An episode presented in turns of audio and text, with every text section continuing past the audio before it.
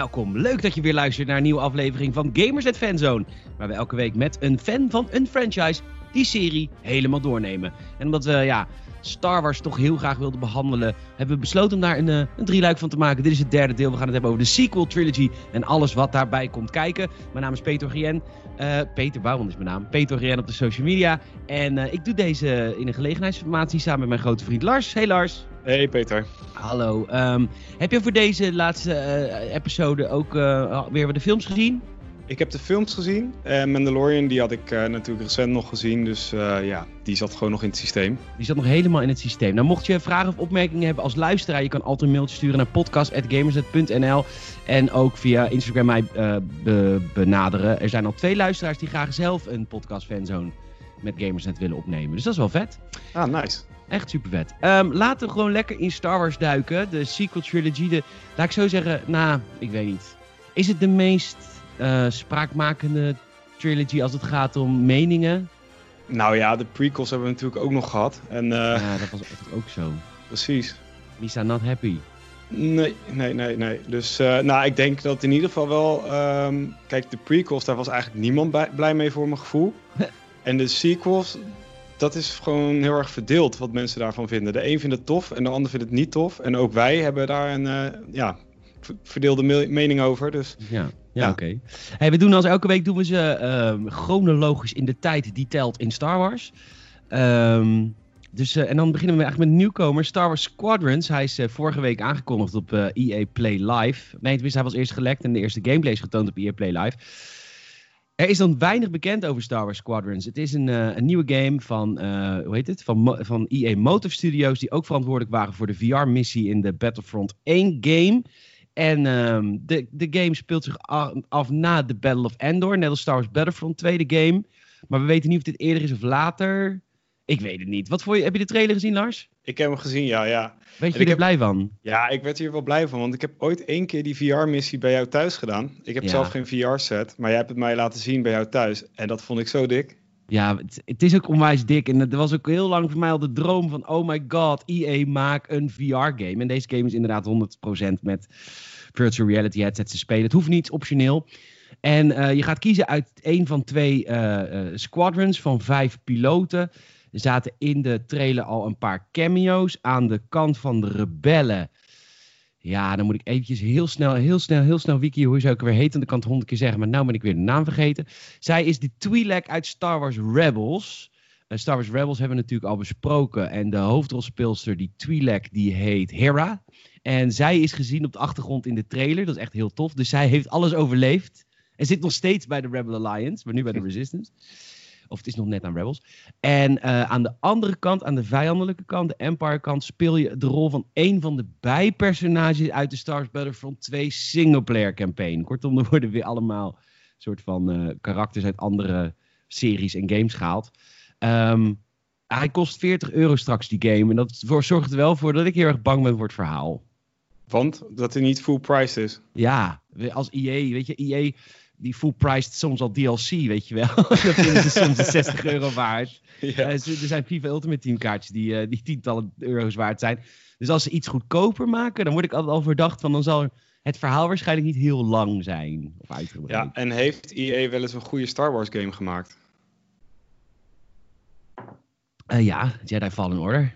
Ja, dat is waar natuurlijk. Ja, ja. ja. Um, maar dat is een andere studio. Uh, ik weet niet. Ik vond de VR, de VR-missie was wel vet, Lars. Die, in, die VR-missie van Battlefront 1. Het was alleen 20 minuten. Ja, en natuurlijk ook maar één trucje hè, de hele tijd. Ja, maar ik denk wel dat dat. Wat, in deze game wordt ook. Daar hebben ze ook wel zijn, hebben ze ook al uh, meer over uitgelegd. Dus dat je ook strategische keuzes moet maken met uh, de, de power, de energie van je, van, je, van je ruimteschip. Oftewel, je kan, net als in de films, wat altijd super random werd gezegd door Han Solo. Uh, divert the power to the forward shields en shit. Dat kan ook in deze game. Dus als jij achtervolgd wordt door vijf man, dan kun je dus instellen, en dat is een gameplay mechaniek, dat je dan je schilden achter sterker maakt, maar dat je daardoor je lasers minder krachtig zijn. Ah, oké. Okay. En op die manier willen ze de gameplay um, rijker maken. Ik ben ondertussen al gescout voor een, uh, voor een plek in, uh, in, een, in een clan. Dus uh, als Pretty cool, right? Ah, nice, nice, nice. Ik dus zie je al helemaal zitten in jouw, in jouw woonkamer met de stoel in het midden en uh, VR-bril op, gordijnen dicht. Avond, ja, vooral gordijnen dicht. Ja, dat zou ik zeker doen. en avonden, avonden lang met mijn Squirtle Squad uh, online uh, battelen. En heb jij een favoriet ruimteschip uit Star Wars? Dat je denkt, ja, van, nou, de, de X-Wings natuurlijk. Mm. Ja, de X-Wings. Er zitten ook uh, B-Wings in, V-Wings in. Uh, ik vind de B-Wing altijd wel leuk. Vooral, vooral omdat hij er niet uitziet. Het is een rare soort van vallasachtig apparaat.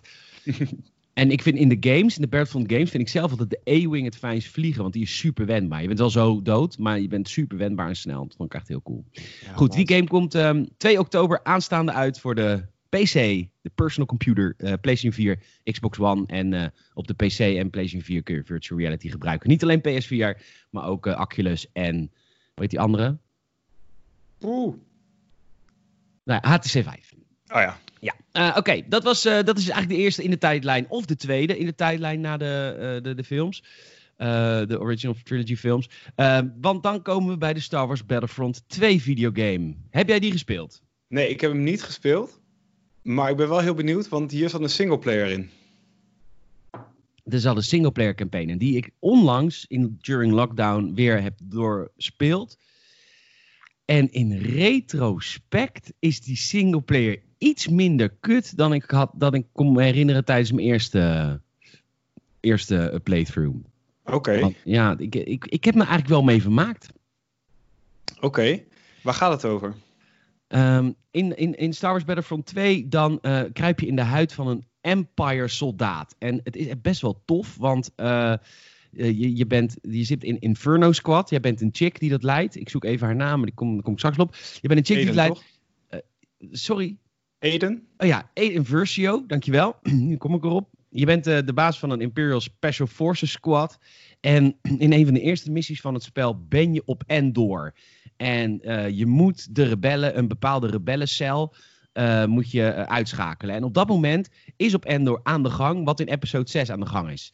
Dus de, de, de, de, zijn, de Ewoks zijn in de verte, zijn aan het knokken met de Empire. Maar goed, jij bent natuurlijk Special Forces. Dus ja, behind enemy lines ben je. En je moet, je moet een bepaalde groep rebellen daar afmaken. Die gameplay is best wel tof. Het is first person Um, en je hebt een squad en die kun je ook aansturen. Je kan ook uh, zeggen je moet daar en jij moet daarheen. Uh, je kunt ook vanaf achter kun je stealth kills doen die best wel tof zijn. Um, maar wat vooral zo vet, wat eigenlijk heel veel van deze game goed maakt. Het is eigenlijk niet zo'n goed verhaal. Maar het is wel Battlefront 2. Dus het is eigenlijk een van de mooiste games op de markt, period. Weet je wel, er zijn bijna geen mooiere spellen dan de, de first-person shooters van DICE, of dat nou Battlefield of Battlefront is. En dat maakt ook wel een heel groot stuk van deze game. Want als jij op Endor loopt, en mensen die de singleplayer of de multiplayer van het eerste deel hebben gespeeld, die weten dit ook wel. Als je op Endor loopt, ja, dat bos, het is zo fucking lauw. Het ziet er zo mooi uit. Dus ja, dan zie je, je ziet van die boomhutjes, zie je in de boompjes van die, van die, van die, van die Ewoks en shit. Dus dat maakt wel dat deze game leuker is. Ze, leunen heel erg op de grafische kracht. Anyhow, die missie die vordert die gaat door en op een gegeven moment start er een cutscene. En dan kijk jij naar de hemelen en je ziet de tweede Dead Star daar vernietigd. Echt een heel tof moment in het spel. En uh, volgens mij is ook bekend dat de Emperor op de tweede Dead Star aanwezig was. Dus jij en je twee squadmates die kijken elkaar aan. En die hebben echt, ja, ja goed, je moet je maar eens voorstellen wat er dan gebeurt. Ik bedoel, alsof Kim Jong-un voor je neus wordt afgemaakt als Noord-Koreaan. Ja, dan, dan stort natuurlijk je hele wereld in. Um, die missie die is heel vet, want vervolgens, ja, wat gaan we doen? Wat moeten we in godsnaam doen? Nou, we gaan maar uh, TIE Fighters uh, opzoeken, uh, want we moeten hier weg, want we zijn de oorlog aan het verliezen. Nou, vervolgens ga je weg en dan moet je dus allemaal squads van rebellen neerschieten. Nou, uiteindelijk lukt het om een paar TIE Fighters te pakken. Je stapt in de TIE Fighter, je vliegt weg. Dat is dan ook een nieuwe missie, want je vliegt ook in die game, best wel tof. Uh, en, en, je vliegt dan door de debris, door de, de wrakstukken van de Dead Star 2. Echt ah, vet gedaan. Ja. ja, en je ziet dan je ziet nog een aantal gevechten in de verte tussen rebellen en Empire uh, schepen, Star Destroyers. En jij moet dan naar je eigen Star Destroyer vliegen. En dan vervolgens uh, moet je je melden bij je vader, generaal Versio, haar vader. En die zegt, de Dead Star is vernietigd. Maar we hebben een, een soort van nieuwe Emperor. En daar komen de robotische uh, ja, em Emperor gasten. Eh, Deze, ze, ze, de, de, ze- de, em- de Emperor heeft zijn eigen soort van eh, gedachten in robots geplaatst. Oké. Ja, vaag hè? Ja, Ja, want wordt hier nog wat eh, toegelicht over wie dan die nieuwe Emperor is? Of is dat puur het gedachtegoed wat Nee, voortleeft echt- in die Het is echt een filmpje. Het is ook echt een filmpje van, eh, van, van zijn hoofd. Wordt als het ware geprojecteerd op die robot. Dus het is echt Emperor Palpatine als Sentinel. ehm, die, die nu de soort van laatste eh, order geeft. In die laatste order is het vernietigen van heel veel ehm, eh, planeten. En dat doen ze dan niet met een Death Star, maar met allemaal soort rare satellieten die vanuit de lucht planeten kunnen vernietigen. Maar dan niet in één keer vernietigen, maar wel gewoon de steden kunnen destroyen. En vanaf dat moment wordt het verhaal ook al heel snel kut. Oké, en wordt er nog ingegaan op dat je eh, aan de dark side zit? Want ik kan me zo voorstellen dat het voelt alsof je aan de kant van de nazi's vecht, zeg maar. Want je bent wel echt slecht. Ja. Eh, twijfelt zij nog ergens over? Of is zij echt dedicated full dark side? Nou, zullen we spoilers doen? Ja, laten we het doen. Spoilers, als je nu echt het einde van de game niet wil weten, dan. eh, want ik, wat ik tot nu toe heb verteld, is eigenlijk de eerste twee missies, echt begin van het spel. Uit, eh, spoilers komen de twee minuten skip als je deze nog wil spelen. Uiteindelijk wordt zij, eh, gaat ze zich joinen bij de, bij de rebellen. En dat is ook weer dat je denkt van. eh. Ja, Ja, en uiteindelijk ga je ook ga je missies spelen als Luke Skywalker, als Leia Organa, als er komen soort rare submissies. En ehm, ja, het is niet zo heel goed. Maar het is qua verhaal, ja, het is in canon, het is bedacht door Disney en het bestaat dus echt. En dat dus ja, als je echt alles wil weten, dan moet je deze game wel spelen. En omdat de game zo mooi is, is het ook weer niet zo'n grote straf om te spelen. ja. Oké. Ze hebben ook nog DLC gehad, Resurrection. Dan ga je weer, eh, de- dan, dan heb je al gewonnen, maar dan ga je nog een aantal missies doen voor de Rebel Alliance. Oké. Ja, dit speelt zich af na episode 7. De, Ja, de- nee, ik zit te leuk. denken van eigenlijk had dit wel een mooie kans geweest om wat meer backstory aan Snoke te geven. Zeker, dat was super vet geweest. Maar ja, Ja. Snoke is, eh, is, ja, Snoke is natuurlijk verneukt door Ryan Johnson. Dus ehm, ja, Ja, ja. niks aan te doen. Komen we zo op. Ja. Komen we zo op. Het is wel, eh, nou ja, het is niet een leuk verhaal, maar het is wel, het is wel grappig. Oké, en hoe is tegenwoordig de multiplayer? Want ik weet, toen de game uitkwam, toen was er best wel veel controverse over ja, lootpacks en eh, pay to win. Ja. Hoe is dat tegenwoordig? Ja, nou, als ik IE mag geloven, hebben ze dat aangepast. Ik heb onlangs de game nog een keer gespeeld. En inderdaad, je kunt nu makkelijker levelen. Wat het in het begin was, is als jij eh, kaartjes kocht, dan kreeg jij in de lootboxes betere gear. Dat was gewoon, dat maakte de game kapot. Dus kaartjes à la. Maar het is eigenlijk net als FIFA Ultimate Team. Als je toevallig Messi pakt, dan ben je gewoon automatisch al een beter team bijna. Nou, Ja. dat was natuurlijk ook bij Battlefront 2. Je kon gewoon, als je veel kaartjes kocht, dan kreeg je altijd betere wapens. En als je niet die betere wapens had, dat was dus een soort visueuze cirkel. Want je won dus veel minder. Want je had niet die vette wapens die heel veel andere mensen in de game wel hadden. En je kocht geen kaartjes, dus je levelde ook heel langzaam. Dus je had alles tegen je. Dus je moest, als je niet extra wilde betalen voor het spel. En mind you, dit is geen free-to-play game. Je had al 60 euro betaald voor het spel. Dan duurde het zo lang voordat je ook maar één leveltje verder kwam. Nou, dat hebben ze nu wel aangepast. Je kunt nu ook zonder lootboxes kun je verder komen in het spel. En ik heb laatst de game ook opgestart en dat is ook wel zo. En die Resurrection waar EA het over heeft, de, de server zit wel altijd vol. Dus ik, het is niet dat ik ooit lang moet wachten voordat er een volle map is. En ik kan kiezen welke optie ik wil, welke game modus. Dus op- ik denk dat dat wel oké gaat voor ze. Ja, ja. Oké. ja. Goed, dat waren de games. En, eh, ja, en nu kunnen we denk ik wel zeggen dat Star Wars Battlefront 2 voor Squadrons zich afspeelt. Want ik was even vergeten dat die eerste missie gewoon letterlijk Endor is. Ehm, we gaan naar Star Wars Resistance. Mijn huiswerk voor eh, deze eh, aflevering van de Gamersnet eh, fan, eh, Fanzone. Ja. Oké. Heb je er doorheen geploeterd? Nou, niet helemaal. Ik heb een beetje een, een, een episode guide gekeken eh, wat ik allemaal moest zien. En het is niet zo. Nou, oké. Star Wars Resistance is een tekenfilm gemaakt, eh, ook weer door, eh, door Dave Filoni, die ook Star Wars Rebels en Star Wars The Clone Wars heeft gemaakt. En hij is overduidelijk gericht op een, ehm, op een jonger publiek. En dan moet ik eerst even zeggen dat ik, ik vind hem als tekenfilm, ik weet niet of jij nu screenshots voor je hebt, Lars. Ja. ja, Het is een ontzettend mooie tekenfilm, vind ik. Toch? Ja, zeker. Het ziet er goed uit. het is ja. echt een soort anime. En dan ga ik heel veel mensen beledigen. Dus alsjeblieft niet mailen. Ehm, over daarover. Maar eh, het, het is een beetje anime-achtig. De schaduwen zijn super eh, highlighted. De kleuren zijn fluoriserend. Het spat echt van het scherm af. Alleen wat je mist in dit spel, of in dit spel, in deze serie, is het gevoel van, ehm, van schaal, van scope. Het speelt zich af eigenlijk grotendeels op een ruimtestation. Dus op een, eh, of op, op een station op een planeet, op een waterplaneet. En daar, het zijn wat kleinere avonturen. En daaraan merk je heel erg dat het is gericht op kinderen. Want die hoofdrolspelers, Kaza- Kazuda Xiono, dat is een, een New Republic piloot. Ehm, en hij, hij doet gewoon avonturen beleven op dat, op die, in dat stadje. En dat is een beetje it, weet je wel. Dan moet je ook, uiteindelijk moet hij ook wel als soort spion gaan spelen voor de Resistance. Hij wordt opgeleid door, eh, ehm, door, de, door weet ik, Poe. Die heeft ook zijn stem eraan verleend in een aantal afleveringen. Die heeft af en toe een cameo, dat is best wel tof. Ehm, en die, ehm, ja, hij moet, hij, dit is allemaal heel kleinschalig. Dat is eigenlijk wat het is. Je mist dat je de ruimte ingaat en dat ze echt heel erg met de Resistance gaan battelen. Dat gebeurt eigenlijk niet. Dus jammer. Want het was namelijk wel een kans om wat meer body te geven aan de Resistance. Wat, wat Rebels dus heel goed deed, Star Wars Rebels, die, je, je, je, had opeens dat je de rebellen in, in, in A New Hope, in episode 4. Die, die rebellen hadden al een soort van hoofdkwartier en die bestonden al. En wat Rebels deed, die liet het ontstaan daarvan zien. Dus dat was voor Resistance ook een uitgelezen kans om echt te laten zien hoe, oké, hoe is de Resistance opgebouwd en hoe is het begin gegaan.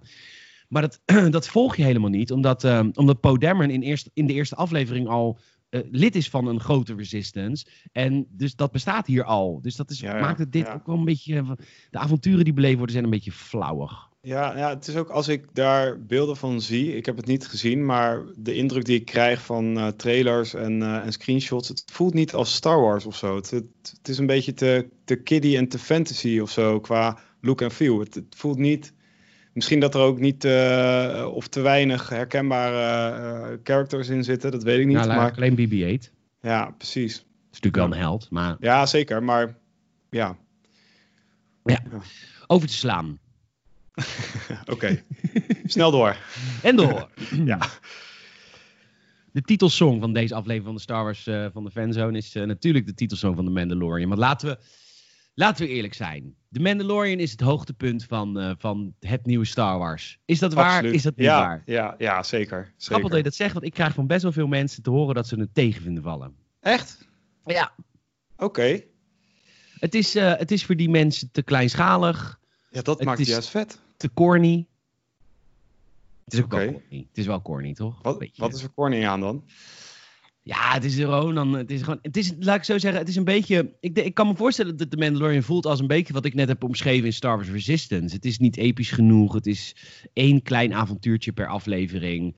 En ehm, dat is het. En als je dan alleen maar Marvel-films gewend bent, wat natuurlijk iedereen die nu opgroeit gewend is, dan voelt dit natuurlijk wel een stuk kleiner.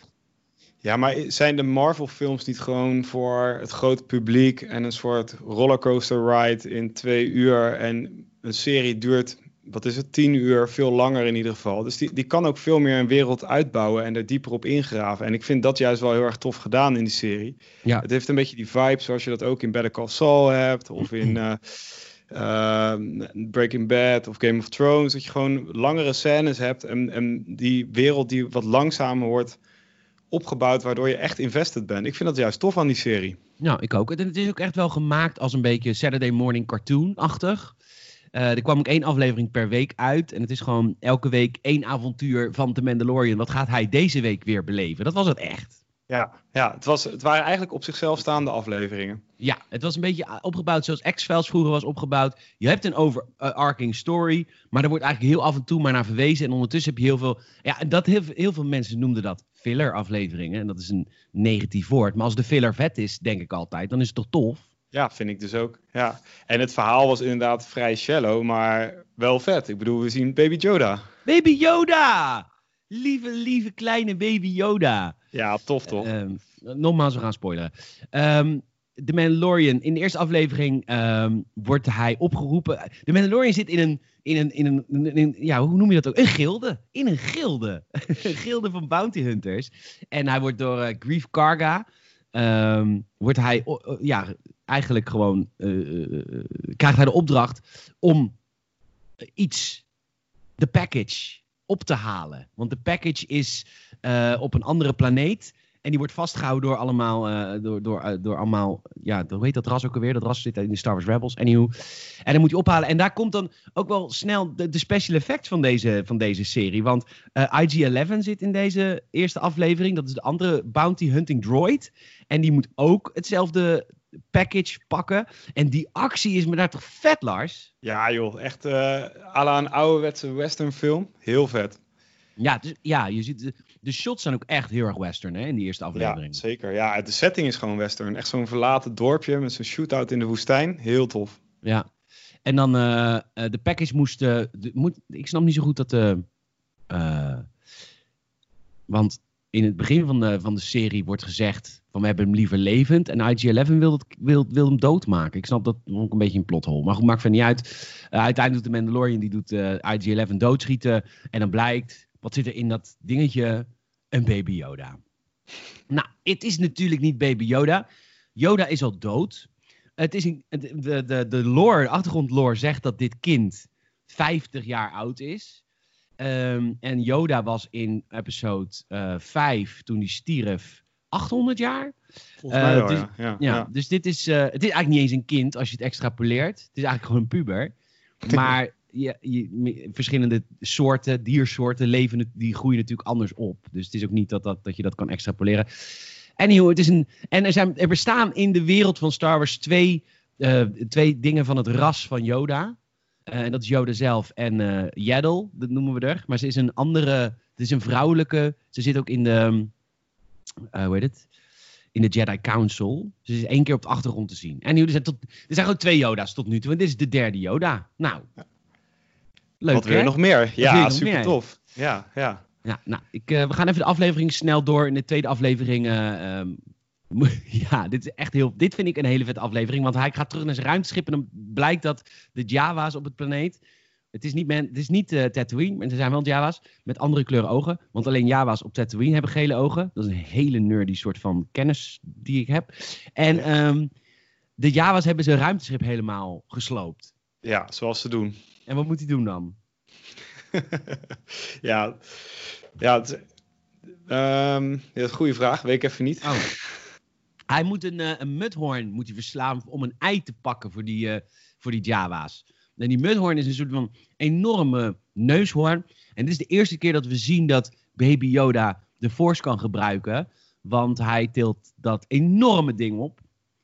Ja, Dus deze, deze Baby Yoda is eigenlijk nog machtiger dan Yoda zelf. Want die had best wel moeite met een X-Wing in episode 5. En deze Baby Yoda, die, doet, op, die is nog baby en hop, beest omhoog. Ja, ja, ja. Heel tof. Eh, dan wil ik nog een aflevering even benoemen. Die vond ik ook heel vet. Dat is als we worden geïntroduceerd eh, met Cara Dune. Zij is een soort van ex-trooper, ex-rebel shock trooper. Is op de planeet Sorgan. En dit vond ik echt de meest Xena Warrior Princess aflevering die ik heb gezien sinds Xena Warrior Princess. Ze komen bij een groep mensen aan. ehm, een dorpje. En dat dorpje wordt onderdrukt door K- Clatonians. En, eh, dit, dit- en de Mandalorian gaat zeg maar het volk van het dorpje opleiden om zich te kunnen weren tegen deze gasten. En ze hebben op een gegeven moment ook een, eh, die gasten hebben ook een ATST, wat echt super vet in beeld gebracht. Ik vond dit zo'n leuke aflevering. Vond je het Ja. heel Sina? Ja, nee, ik vond het echt heel tof. Want eh, ja, die ATST die komt er dan aan en die voelt dan ook echt als een soort van tank in de Tweede Wereldoorlog van holy shit. Er Rode komt nu ogen echt een apparaat aan. Ja, precies. Er komt nu echt een apparaat aan en die gaat ons helemaal de moeder in knallen. Ja, ja, echt heel tof. Eh, de aflevering, de naam is De Gunslinger. Dat vond ik de minste aflevering. De Gunslinger, daar, moet hij, eh, komt hij echt op Tatooine aan. En dan heb je die vrouw in het begin die zijn schip moet maken. En hier kom je er ook achter dat Mandalorian, dat weet je ook al, echt een hekel heeft aan, eh, aan droids. Want de vrouwke wat zijn schip moet repareren heeft van die pit droids uit episode 1. Dat vind ik wel tof trouwens. Mandalorian heeft ook wel echt dingen uit de prequel trilogy. Dat vind ik echt tof. en vervolgens moet, ehm, wat moeten ze hier ook weer doen? Oh, ze moeten een bounty hunter opsporen. Eh, want eh, hij moet, hij moet eh, geld hebben omdat zijn schip gemaakt wordt. En dan moeten die bounty hunter opsporen. I don't know. Dit vond ik niet zo leuk aflevering. Maar er zijn wel veel mensen die aan het eind van deze aflevering dachten dat Boba Fett bij die dode bounty hunter te zien was. Want dan zie je alleen maar zijn benen. En, maar je hoort op een of andere manier het rinkelen van zijn sporen. Wat Boba Fett in de film ook heeft. Dus er gaan geruchten dat hier Boba Fett boven dat lichaam op het staat. Nou, anyway. Oké.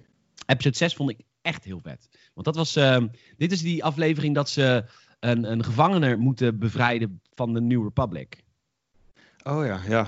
Ja, vond ik echt een heel vette aflevering. Want je ziet namelijk voor het eerst het design van de New Republic. Want ze komen op een soort van ruimteschip gevangenis. En ehm, daar moeten ze dus eh, iemand redden. Waarom? Nou, hij heeft weer geld nodig. Ja, het voelt, ik kan me voorstellen dat dat een beetje als filler voelt. Maar ik vind die ep- episodes gewoon vet, omdat de episode vet is. Ze moet, en dan zie je dus voor het eerst een New Republic ruimteschip. En je ziet New Republic droids eh, die, die, de, die dat ruimteschip bemannen. Dat vond ik zo vet. Dat Ja, design, nice. geel. Ja. Ja, ja, ja. Ze schiet ook hier iemand dood in deze aflevering. En eh, de hoofdbewaker. De, de, het hele ruimteschip wordt bewaakt door droids. En er is één hoofdbewaker die het allemaal aanstuurt. Die guy die die hoofdbewaker speelt, is de stem van, Luke, eh, van eh, Anakin Skywalker in de tekenfilmserie The Clone Wars. Ah, nice. Leuk feitje, ja. En dan hebben we de laatste twee eh, afleveringen waar, ja, dat, dat zijn eigenlijk de beste afleveringen, vind ik. Want ze moeten Baby Yoda redden. En ehm, eh, Moff Gideon komt hier voor het eerst eraan. Moff Gideon is de soort van eindbaas Empire guy. Die komt aangevlogen met een TIE Fighter. Die ook voor het eerst zijn vleugels inklapt. Een TIE die zijn vleugels inklapt Ja, die kan landen. die kan landen. Dat inklappende vleugels was al dat was eh, art. Voor productieart Ah, voor episode Maar- 4. Voor de eerste Maar hebben we nooit in de films gezien. Nooit. Ehm, en vooral het, vooral het begin van episode 8. De laatste episode is gewoon heel erg grappig. Want dan zie je die twee scout troopers met elkaar praten. Die hebben net Baby Yoda gestolen. En Ja, die vervelen zich. Dat is een goede scène, hè? Ja, het is echt, dat is echt gewoon comedy. Ja, ja, ja. Ik ga Laat gewoon uit af- verveling een beetje op eh, met, met, met, een- met een lightsaber schieten. Ja, met, een- met een blaster schieten. En ze, gaan, eh, ze willen weten, of die ene wil weten hoe Baby Yoda er nou eigenlijk uitziet. En eh, ze slaan Baby Yoda een keer. En Baby Yoda bijt hem een keer in zijn vinger. En het is gewoon een hele coole, soort awkward. Ook geen muziek op de achtergrond. Heel awkward. En je- dit is duidelijk een, een, een aflevering. Deze aflevering is gemaakt door Taika Wa- Waititi. En die kun je Ja. kennen Van Jojo Van, eh, Rabbit. van Jojo Rabbit. Maar ook van Thor Ragnarok. Ja, ja. er zit ook meer humor in, hè? Zeker. En ook, eh, je kunt hem ook kennen binnenkort van Star Wars, want hij krijgt zijn eigen film. Hij heeft een contract getekend bij Disney om een Star Wars film te gaan maken. En hij is de stem van IG-11. En hij is de stem van IG-11, de droid uit de eerste aflevering. Ja, tof. En de laatste. ja, ook ja, weer ja. terug. ja. Ja, leuke serie, leuke karakters ook. En bijzonder gemaakt, hè? Ja, met de doom. techniek. Ja, de volume. De volume, ja. Wil jij er wat over vertellen? Ja, daar sowieso een hele toffe techniek. eh, die we eigenlijk al wel kennen van oudere films. Want ke- ken je bijvoorbeeld van oudere films als mensen in een auto zitten, dat je dan de achtergrond ziet op een scherm. Dus dat je bijvoorbeeld, ja, dat ziet er in die tijd nog een beetje slecht uit. Maar Eigenlijk... Goonies vorige week gezien, gebeurde dat ook. ja, precies, precies. In dat soort type films zie je dat. Ehm, maar die techniek is eigenlijk eh, vernieuwd in samenwerking met eh, de Unreal Engine van Epic. Ja. Ehm, ze hebben eh, bij ILM, het bedrijf wat al jaren verantwoordelijk is vanaf begin af aan voor de special effects van Star Wars, hebben ze een eh 30 meter grote LED-wall gemaakt. En dat, daar kunnen ze elke achtergrond op projecteren die ze maar willen. Die ze met de Unreal Engine kunnen maken. En die is gelinkt aan de camera. Dus als de camera een stapje naar links doet, dan gaat de achtergrond een stapje naar rechts. En dat is zo tof, want daardoor kan je dus op de studiovloer kan je een, deels een set bouwen. En op de achtergrond kan je dan nou ja, elke planeet die je wil maken, eh, elke setting die je wil maken. Dus die hebben ze bijvoorbeeld ook gebruikt. De oude kantina zit ook in de serie. En eh, daar hebben ze eigenlijk alleen maar het middenstuk van gebouwd. Dus eh, Ja. de bar, zeg maar.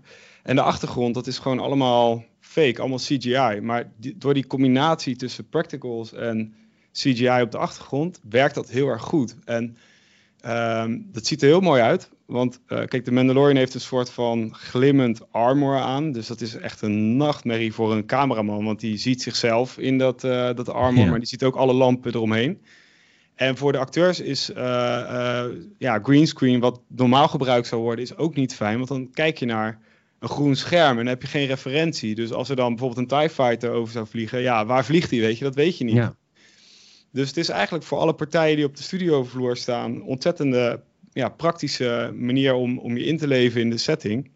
En het, ja, het ziet er ook nog eens fantastisch uit. Ja, je, je bent als acteur dus echt op Tatooine. En wat ik zo bijzonder vond, is dat ook... eh, wat, ik, wat ik het meest bijzonder vond, was dat soms de, een half practical effect is. En dat wordt aangevuld Klopt. met Ja. beeld. Dus de, ze hebben bijvoorbeeld de onderkant van zijn ruimteschip hebben ze gemaakt. Ja, Maar de vleugels die er bovenop zitten, zijn CGI. Ja, dat is een scherm. precies. Daardoor werkt het zo goed. Dus eh, de Crest heet hij toch, dat eh, ruimteschip Ja. van hem? Ja, hij staat zeg maar op die, die, die loopplank naar binnen toe. En de rest is dan CGI. En ja, daardoor gaat het leven. Want je ziet wel alle reflecties op die plank waar hij op staat. Dus dat voelt super realistisch. Eh, maar ja, de rest is, is CGI en, en dat, dat is onscherp op je camera. Dus dat, werkt gewoon heel erg goed. Ja, bizar vet. En, en ook leuk voor de acteurs. De regisseurs. Er is ook een achtdelige eh, making-of namelijk op Disney Plus gedropt. Waarvan er zeven heel gaaf waren. Behalve die één over muziek. Want de muziek wordt gemaakt door de meest walgelijke Amsterdammers die je maar kan bedenken. Wat een walgelijke Ja. aflevering was dat. Ja, lang haar en een palmfluit. Ja, Ach, alsjeblieft. Ja, hij maakt fantastische muziek. De soundtrack van deze eh, serie Is echt, echt knap. En wat er vooral knap is aan de soundtrack van deze serie... is dat het niet te veel leent van Nee, zeker niet. epische score van, van John Williams. Dat hadden ze makkelijk kunnen doen. Ja, maar dat had veel te voor de hand liggend geweest. Want Mandalorian zelf is ook een andere, ander type serie, ander gevoel. Dus daar moet ook niet zo'n orkestraal, zo'n groot orkest eh, omheen zitten. Dat moet veel kleiner, zeg maar. Dat hebben ze echt goed gedaan. Oké, en eh, nou ja, die, eh, de, de, de volume, eh, de, zoals dat, die techniek, zoals ze die techniek noemen. Dus ge- gemaakt in samenwerking met Epic Games. Die is heel belangrijk hiervoor. Die, die maakt al die renders. En hebben ze, ze hadden natuurlijk wel twee weken nodig om dat dan te maken als ze iets moesten aanpassen. Dus Ja. niet dat je on the fly eventjes dat allemaal kunt maken. Zo werkt het natuurlijk niet. Nou, Maar je kunt wel- wel aanpassen. Hè? Ik bedoel, als zij een zandplaneet hebben, dan kunnen zij letterlijk zeggen van ja, het is nu eh, eh, vijf over vijf. En dan Ja. past de zon aan, zeg maar. Dat, Ja. dat is wel echt heel tof hoor. Ja, ik heb dat een keer, eh, ik heb dat met Red Dead Redemption mogen zien. Dat, eh, dat ze het weer on the fly konden veranderen in de game. Met de debug. eh. en dat is echt heel tof. En dat kan dus dan ook daar. Wat vet man, leuk. Ja, En ja, dit, tof. is natuurlijk voor de toekomst fantastisch. Want er komen spin-off series. Er komt een serie over Obi-Wan Kenobi. Er komt een serie over die guy uit, eh, uit eh, Rogue One.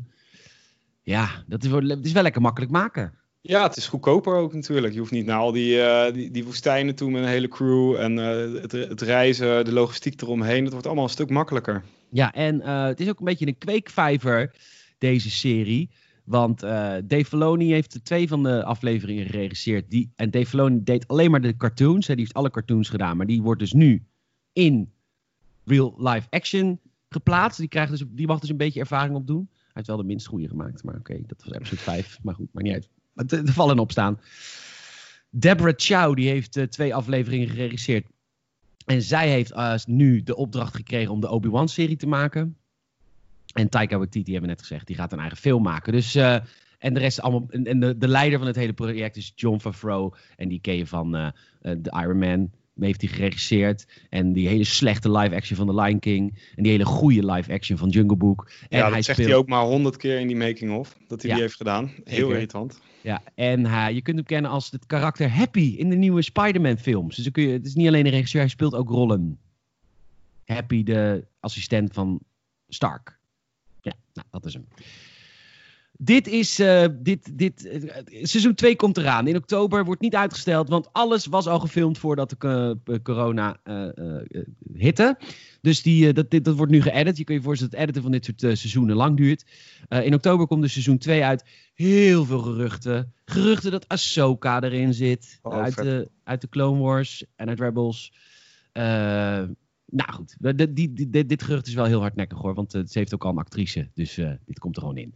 Ah, nice. Ja, Echt ja, heel veel zin in. En dit is wel echt het lichtpuntje van Star Wars op dit moment, toch? Absoluut. Dit is het beste wat Star Wars op dit moment te bieden heeft. De serie eindigt met dat. ehm, ja, de serie eindigt eigenlijk. Dat, dat Yoda een soort van wordt. Die wordt een, een Mandalorian. Yoda is straks een Mandalorian. Want het is misschien wel grappig om even te vertellen. Want de Mandalorian was vroeger een ras, een volk. Maar dat is uitgemoord door de Empire. Want Mandalorians was een een, een volk die heel goed kon strijden. Dat was echt zo'n strijdersvolk, weet je wel. Je hebt wel meer van die karikaturen volken in verschillende franchises. Zo'n volk die liever het uitvechten dan debatteert. Nou, dat, uh, in de Clone Wars zijn ze toen helemaal, dus dat is helemaal spijt van. Tijdens de Clone Wars zijn ze een pacifistisch volk geworden, maar dat hielden ze ook niet vol. Dus uiteindelijk weer burgeroorlogen en allemaal dat soort shit. Anyhow, het verhaal is nu dat de Empire kwam aan de macht, heeft alle Mandalorians uitgemoord. En um, nu zijn ze geen volk meer, maar een creed. Oftewel, het is nu een religion, een geloof. Waarbij je belooft dat je je aan de creed houdt. Nooit je masker. Hij doet nooit zijn masker af ook. Mag hij niet? Dat is wel grappig. maar in de laatste aflevering zegt zij, hoe heet die, die uh, de, de, de soort van clanhoofd van, uh, van de Mandalorian, zegt van ja, jij moet nu. Uh, Yoda is eigenlijk jouw foundling. Ja, die, dus eigenlijk moet Yoda is straks een Mandalorian. Die moet misschien ook hele kleine armor aan. En dan zijn zijn eerste woordjes: This is the way. This is the way. ja.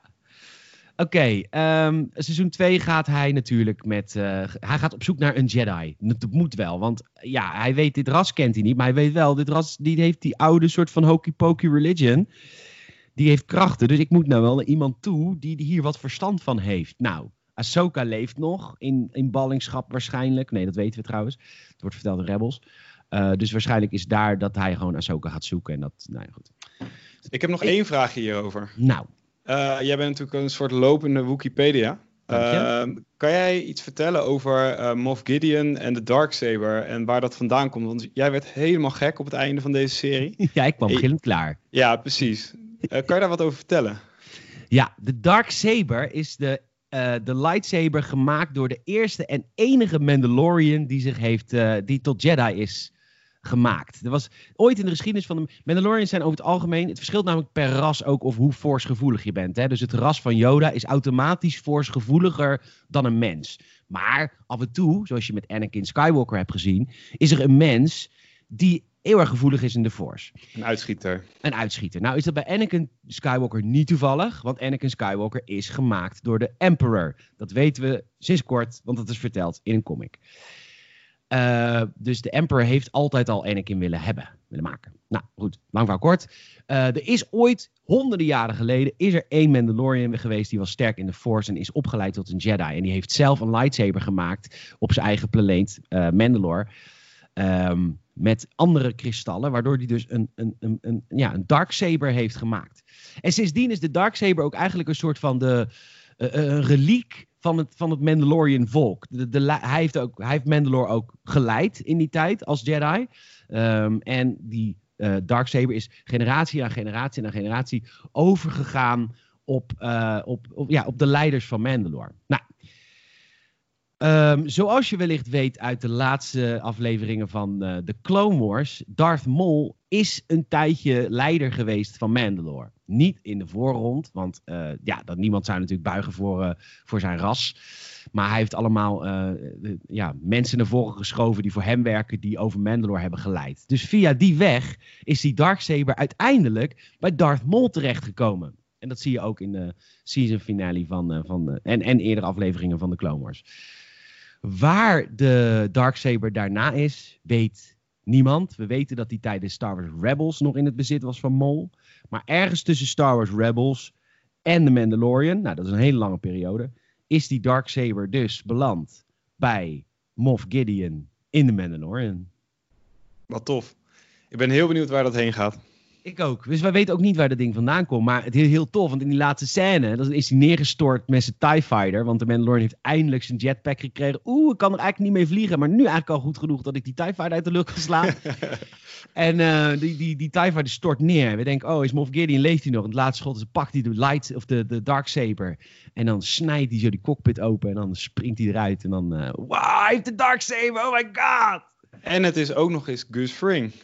Uit Breaking Bad. ja, van de, van de kip. De kippenboer uit Breaking Bad.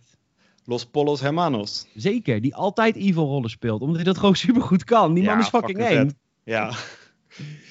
Dat was goed hè, in, uh, in Breaking Bad en nu in Better Call Saul. Hij is zo vriendelijk dat je zo bang voor hem bent. Dat ja, is hem. ja, zo cool en zo charmant, eh, maar zo gevaarlijk. Heel vet. Ja, en dat, Ja. dat kijk, echt evil. In, ik vind, dat vind ik jammer, maar goed, hij kan niet nog een keer zo getypecast worden. Maar het is wel jammer, vind ik, voor die man, dat hij nu wel echt een evil man is. Ja, iedereen denkt dat het een klootzak is. Ja. ja. ja. Ach, wat goed. Nou, stop maar met luisteren naar de podcast. We gaan naar de sequel trilogy. nee, dat is niet waar. De eerste is, waar. goed. De eerste is echt goed. is het zo, do? Vind ik. Ja. Ik vind Force Awakens wordt echt ondergewaardeerd. Ik vind het echt een goede film. Oké. Nou, prima. Ehm, we gaan naar The Force Awakens. Lang gewacht, lang geduurd. Disney had, eh, had, of Disney had Star Wars acquired. En in 2015 was het dan eindelijk zover. De, de, de episode 7. we- ja, de opvolger van, eh, van Return of the Jedi. Star Wars The Force Awakens. Gemaakt door J.J. Abrams. Die heel goed verhalen kan beginnen. Lost. Maar heel slecht verhalen kan afronden. Lost. en Star Trek. En eigenlijk al, en Star Wars. Ehm, dus dus de, JJ is goed in setting the scene. En volgens mij is, doet deze eerste film dat ook wel echt prima. Ja, nou, meer dan prima. Want ik vind het... Nou, Ik, rustig. Het pakt Ja, wel ze- heel veel van de vorige trilogie, hoor. nou, vind je? Ik Ja, vind het best wel knap. Starkiller Base. Ja, oké, oké. Nee, ja, kijk- in één keer een paar planeten. Nee, maar ik bedoel de crew, zeg maar. Dus we zien Ja. Ray, Finn, Poe Dameron, 3CPO, ehm Kylo BB-8. Ren. Uit het niets, hè? Ja, Ja, nee, knap. Absoluut waar. Het begint ook heel gaaf. Want eh, het begint ook dat Poe Dameron in een een of andere planeet, op een een of andere planeet, eh, die moet op zoek naar, naar Luke Skywalker en die vindt dan een soort van gedeeltelijke kaart. Maar die gedeeltelijke kaart, of die gedeel, ja, kaart, die wordt gegeven door een een of andere Jedi-achtig type helemaal in het begin van de film. Die, waar heel veel geruchten daarna over gingen, maar goed. Daarna kwam Ryan Johnson, dus die man die komt nooit meer terug. Ehm maar dat was echt een vet episch soort mythisch figuur. Die ook doodgaat in diezelfde film. Maar ik bedoel, dat, daar had heel veel verhaal in gezeten. Van oké, waarom weet hij waar Luke is? Wat heeft hij met de Force? Want hij ziet er overduidelijk uit als een Jedi. Anywho, de film begint en dan wordt Kylo Ren, die moet dat hele dorpje uitmoorden, want die moet achter Poe Dameron aan. Eh Poe Dameron die wordt opgepakt, maar die zegt tegen een droid BB-8 van hier heb je de- die kaart naar Luke Skywalker, ga weg, vind een weg om het bij de Resistance eh, te brengen, bla bla. Dus eh, BB-8 die gaat weg en die komt een Ray tegen en Ray is ontzettend, nou, een heel mooie vrouw, daar zou ik uitzondering van maken. Zou ik, ja, zou ik doen. En, ehm, maar zij heeft ook een hele toffe rol. Ja, en het wordt ook goed opgebouwd. Eh, Ja. de- Ze is een beetje aan het eh scavengen. Eh, wat natuurlijk ook weer alles zegt over haar afkomst. Of eigenlijk eh, weet ze niet precies waar ze vandaan komt. Maar dat wordt juist heel erg tof, eh, eh, tof neergezet. Ze is echt aan het struggelen om genoeg geld bij elkaar te, te, te sprokkelen om, om überhaupt te kunnen eten. Ja, en het speelt zich af op de, op de, op de woestijnplaneet Jakku. En Jakku kun je van twee dingen kennen. Ten eerste is er een trilogie aan boeken verschenen die redelijk is ontvangen. Dat heet Star Wars Aftermath. En Aftermath, dat zijn eh, canon novels. Aftermath speelt zich af net na episode 6. Dus de, ja, de Emperor is dood. En wat doet, de, wat, doet, ja, wat doet de rest dan? Weet je wel, dat is natuurlijk wie is er nu de baas? Eh, wat, wat is de tactiek? Nou ja, en de laatste gevecht wat ooit gevoerd is, echt het beslissende gevecht waar de rebellen echt hebben gezegd van oké, nu hebben we gewonnen, nu is de New Republic de baas weg, het laatste empire, dat was de Battle of Jakku. En de Battle of Jakku kun je naspelen in Star Wars Battlefront 2, want daar hebben ze, een, eh, hebben ze hem nagemaakt. En nou, daar zijn dus heel veel ruimteschepen neergestort op die planeet. En die ruimteschepen, daar, daar gaat in het begin van de film Ray in scavenger, als het ware. Ah, dus dat zijn allemaal, ja, het zijn allemaal gewoon dode ruimteschepen die daar al tien, tientallen jaren misschien wel liggen. En zij moet, eh, ja, zij moet scrap moet ze verzamelen. En dat moet zij dan aan een, een hele vieze man geven elke dag. En dan krijgt zij hele vieze soort van reizend brood emulsie van. Ja, vet toch? Ik bedoel, eh, ja, het wordt echt neergezet als een soort van overlever. Ja, dat is waar. Ja, ja. oké. Eh, moet, eh, ja, dan, dan eh, wat, wat, wat, wat zo goed is, in, ja, inderdaad, wat goed is in deze film. Zij proberen, uiteindelijk ontsnappen ze en dan zeggen ze, zullen we, oh ja, want hoe heet het? Finn. Finn is een stormtrooper die opeens iets heeft van, ik wil geen stormtrooper meer zijn. Ja, en dus ook de eerste stormtrooper die zijn helm afzet, toch? Überhaupt? Hmm. Bedenk ik me nu? Maar Als je de tekenfilms niet telt, zou je best wel eens gelijk kunnen hebben. Oké, oké. Nou, het was in ieder geval voor mij. Ik, ik, ik kijk vooral de films en de series. Maar voor mij was het echt wel een soort schok om te zien dat stormtroopers mensen zijn en niet alleen maar clones. En, en dus ook eh, twijfels kunnen hebben over wat ze aan het doen zijn. Want voorheen was het echt gewoon goed of fout. En de stormtroopers waren fout. En nu deserteert Finn eigenlijk. En dat verandert die hele dynamiek rondom stormtroopers. Wat eigenlijk vooral kanonnenvoer was daarvoor, toch? Ja, dat was het wel. En volgens heel veel mensen is The Force Awakens niet alleen Rey, maar ook Finn. Er wordt overduidelijk in de films, tenminste in deel, in deel 7 en 9, 8 even buiten gela- gelaten, wordt overduidelijk gehint dat Finn Force-krachten heeft. Ja. En er gaan geruchten dat The Force Awakens ook is dat hij is wakker geworden. Dat, dat, om, en dat omdat hij de Force heeft, opeens dacht van ja, ik wil geen First Order Trooper meer zijn. Oh, zo. Ehm, ja, en in episode 9 is er dus ook een hele eh, bataljon eh, stormtroopers, wat uiteindelijk dacht, wij willen geen stormtrooper meer zijn. Ook dat wordt gelinkt aan de Force. Oké.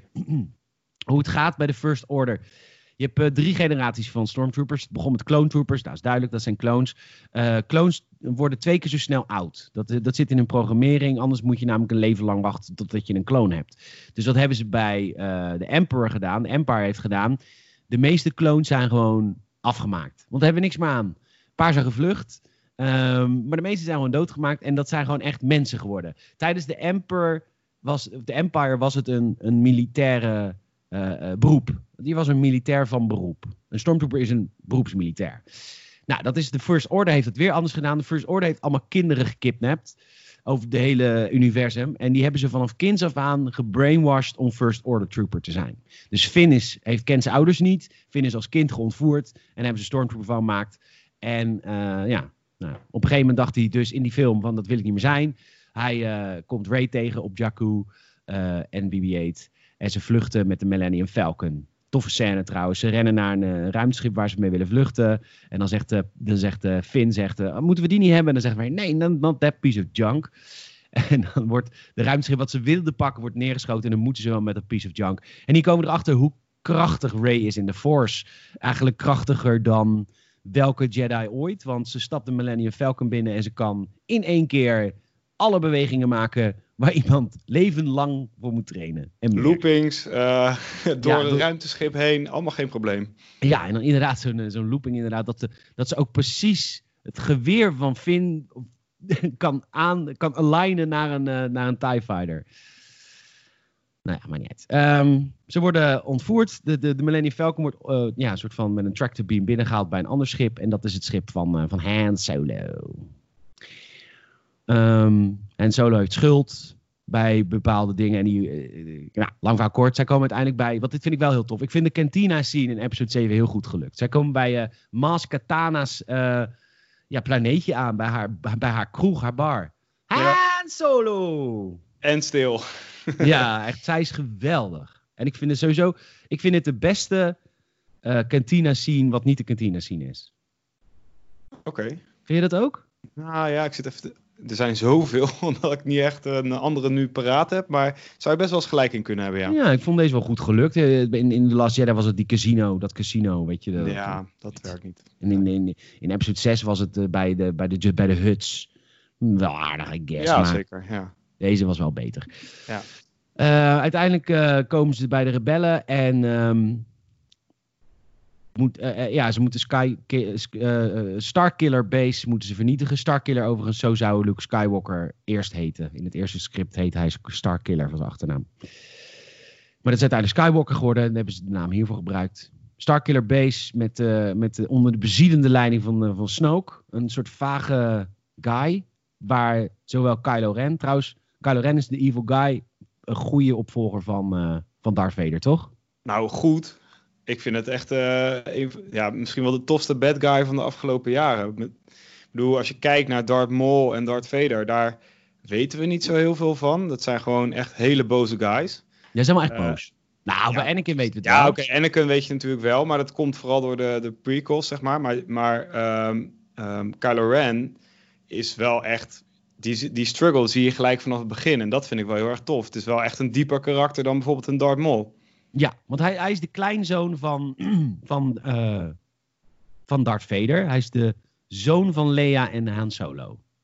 Ja, en zijn eigenlijke naam is Ben Solo. Ja, zijn naam is Ben Solo en hij wordt gespeeld door Adam Driver, wat natuurlijk een fantastische acteur is. Ja, ja, ja zeker, zeker.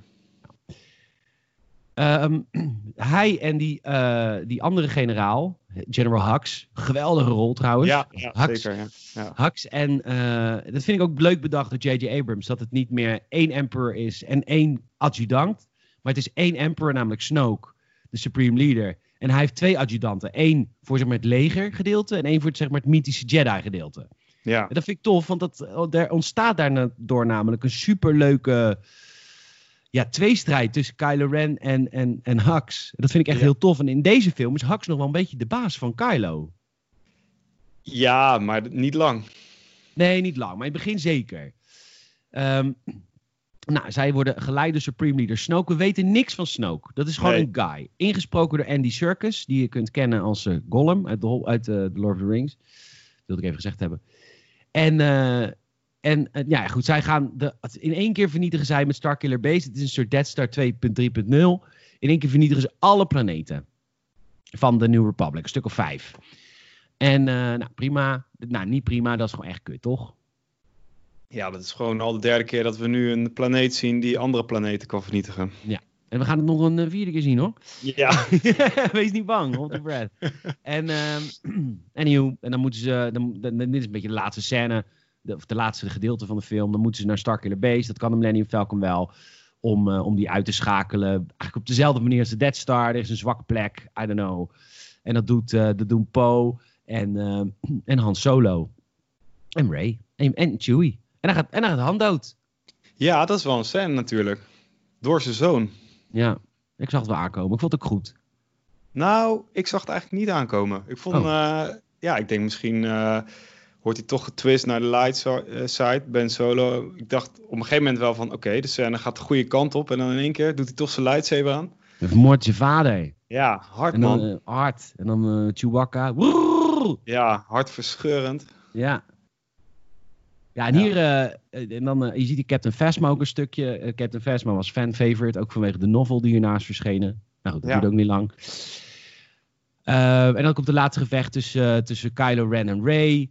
Eh Rey wordt bewusteloos geslagen. En dan, dan komt Finn. En ik, ik dacht op dit moment dat Finn de Jedi, of ook een Jedi zou zijn. Want dit dacht ik op dit moment nog.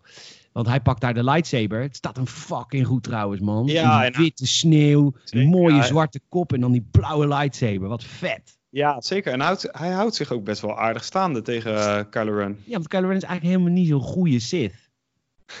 nee, toch? Wordt wel, wel vaak makkelijk verslagen. Nou ja, zeker door Rey daarna. Ja, het is een beetje de Boba Fett van, van de sequel trilogy. Eigenlijk gewoon is het een loser. Ja, het ziet er tof uit, maar vechten. Echt ook, maar het is een goed acteur. Heel veel emo, heel veel, heel veel in- intern is die wel. Ja, Ja. nou goed, en dan wordt Starkiller Base vernietigd. Einde van deel 1, vonden we ervan? ja, ik vond het een toffe... Ja, het is echt een toffe film. Ik Ja. bedoel, er, wordt heel vaak gezegd, ja, er zat te veel fanservice in met eh, eh, ja, Lea en, en, en Han die dan terugkomen. Ja, nou, dat wil je toch? Als je naar, ik, ik weet nog heel goed dat ik, ik zat in de bioscoop, 2015 was het volgens mij toen deze film uitkwam. En ik had al 16 jaar geen eh, Star Wars film meer in de bios gezien. Ja. En in één keer komt die crawler. Nou, ik had kippenvel. Ik vond het tof. En eh, dan, dan wil ik ook gewoon weer datzelfde gevoel hebben. En dan vind ik het niet erg dat, dat de start van een nieuwe serie eh, even een saluut doet naar, naar de oude serie. Nee, In de prequels hadden we die karakters niet gezien. Dus nou, nu, dit was de laatste kans dat het nog eh, eh, ja, die verhaallijn opnieuw gestart zou kunnen worden. En dat, dat hebben ze goed gedaan, vind ik. ja. Ja, hebben ze ook goed gedaan. Ja. Het enige waar, ja, wat je zegt van eh Starkiller Base, dat is gewoon een één op één episode 4. Dat, ja, dat is gewoon wel echt een zwaktebod geweest. Ja, en wat ik ook jammer vond. Nee, dit komt meer door acht. Eh, het- het- het- Luke Skywalker wordt op het laatste moment gevonden. Ze komen op het, eh, dat eiland, tenminste. Dat is wel grappig. Ik ben echt als kind op dat eiland geweest. Ik heb het wel eerder verteld in de podcast.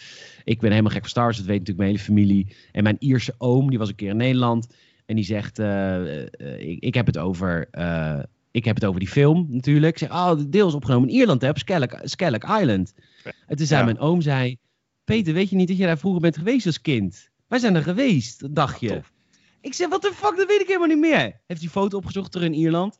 Foto bestaat nog. Ik ben op Skellig Island geweest. Gewoon dat ik niet meer weet. Maar wordt 20 jaar geleden. Maar maakt niet uit. Heel tof. Heel tof, ja. Eh, nou goed, zij komt op het eiland. Ze geeft de lightsaber aan Luke Skywalker. Einde film. Ja, klein- kleine rol voor Luke, maar wel echt een toffe afsluiter. Hoe ze daar eh, op het eiland staan en eigenlijk geen woord zeggen, alleen maar een lightsaber geeft. Ja, de- ja, wat je kan doen hè, met, met zo'n... Dat je een cadeautje krijgt. Dus de regisseur van episode 8. Je Ja. krijgt een cadeautje. Oh, Ja. wat een mooi begin. Ja, ja, daar moet je wel wat mee doen, toch, deze scène? Ja, Dat- zeker. dat- dat- ja, dat, kan je ga- haast niet verneuken. Ik ga even wat drinken pakken, want we gaan het hebben over 8. Even één momentje. Oké, pak ik ook even wat drinken. Momentje.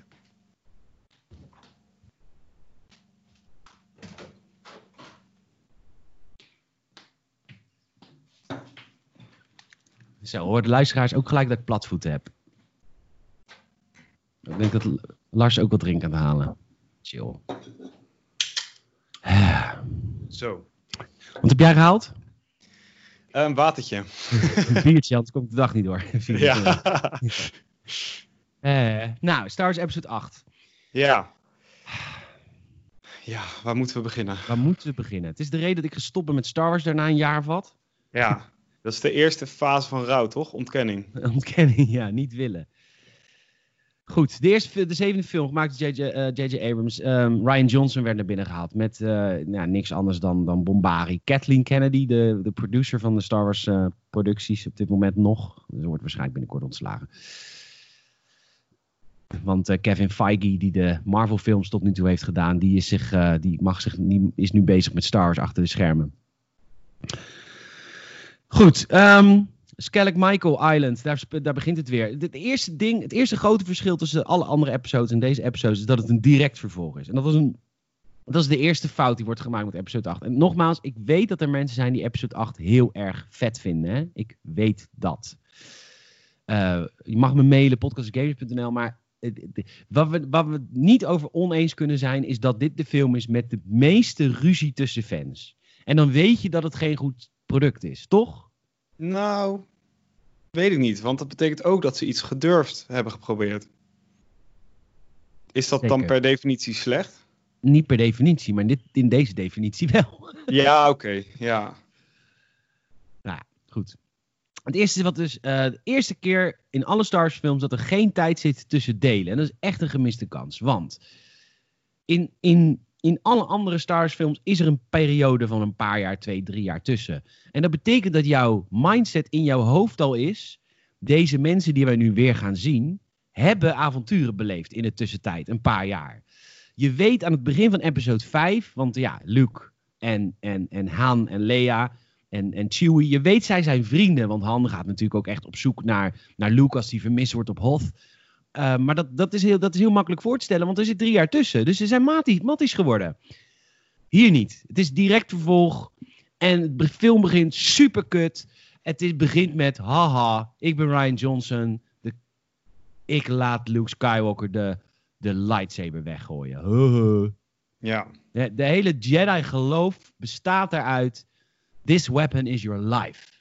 Dat wordt geleerd aan elke Jedi. Die, die behandel je met respect. En het, is, en het wordt in één keer wordt het Marvel humor.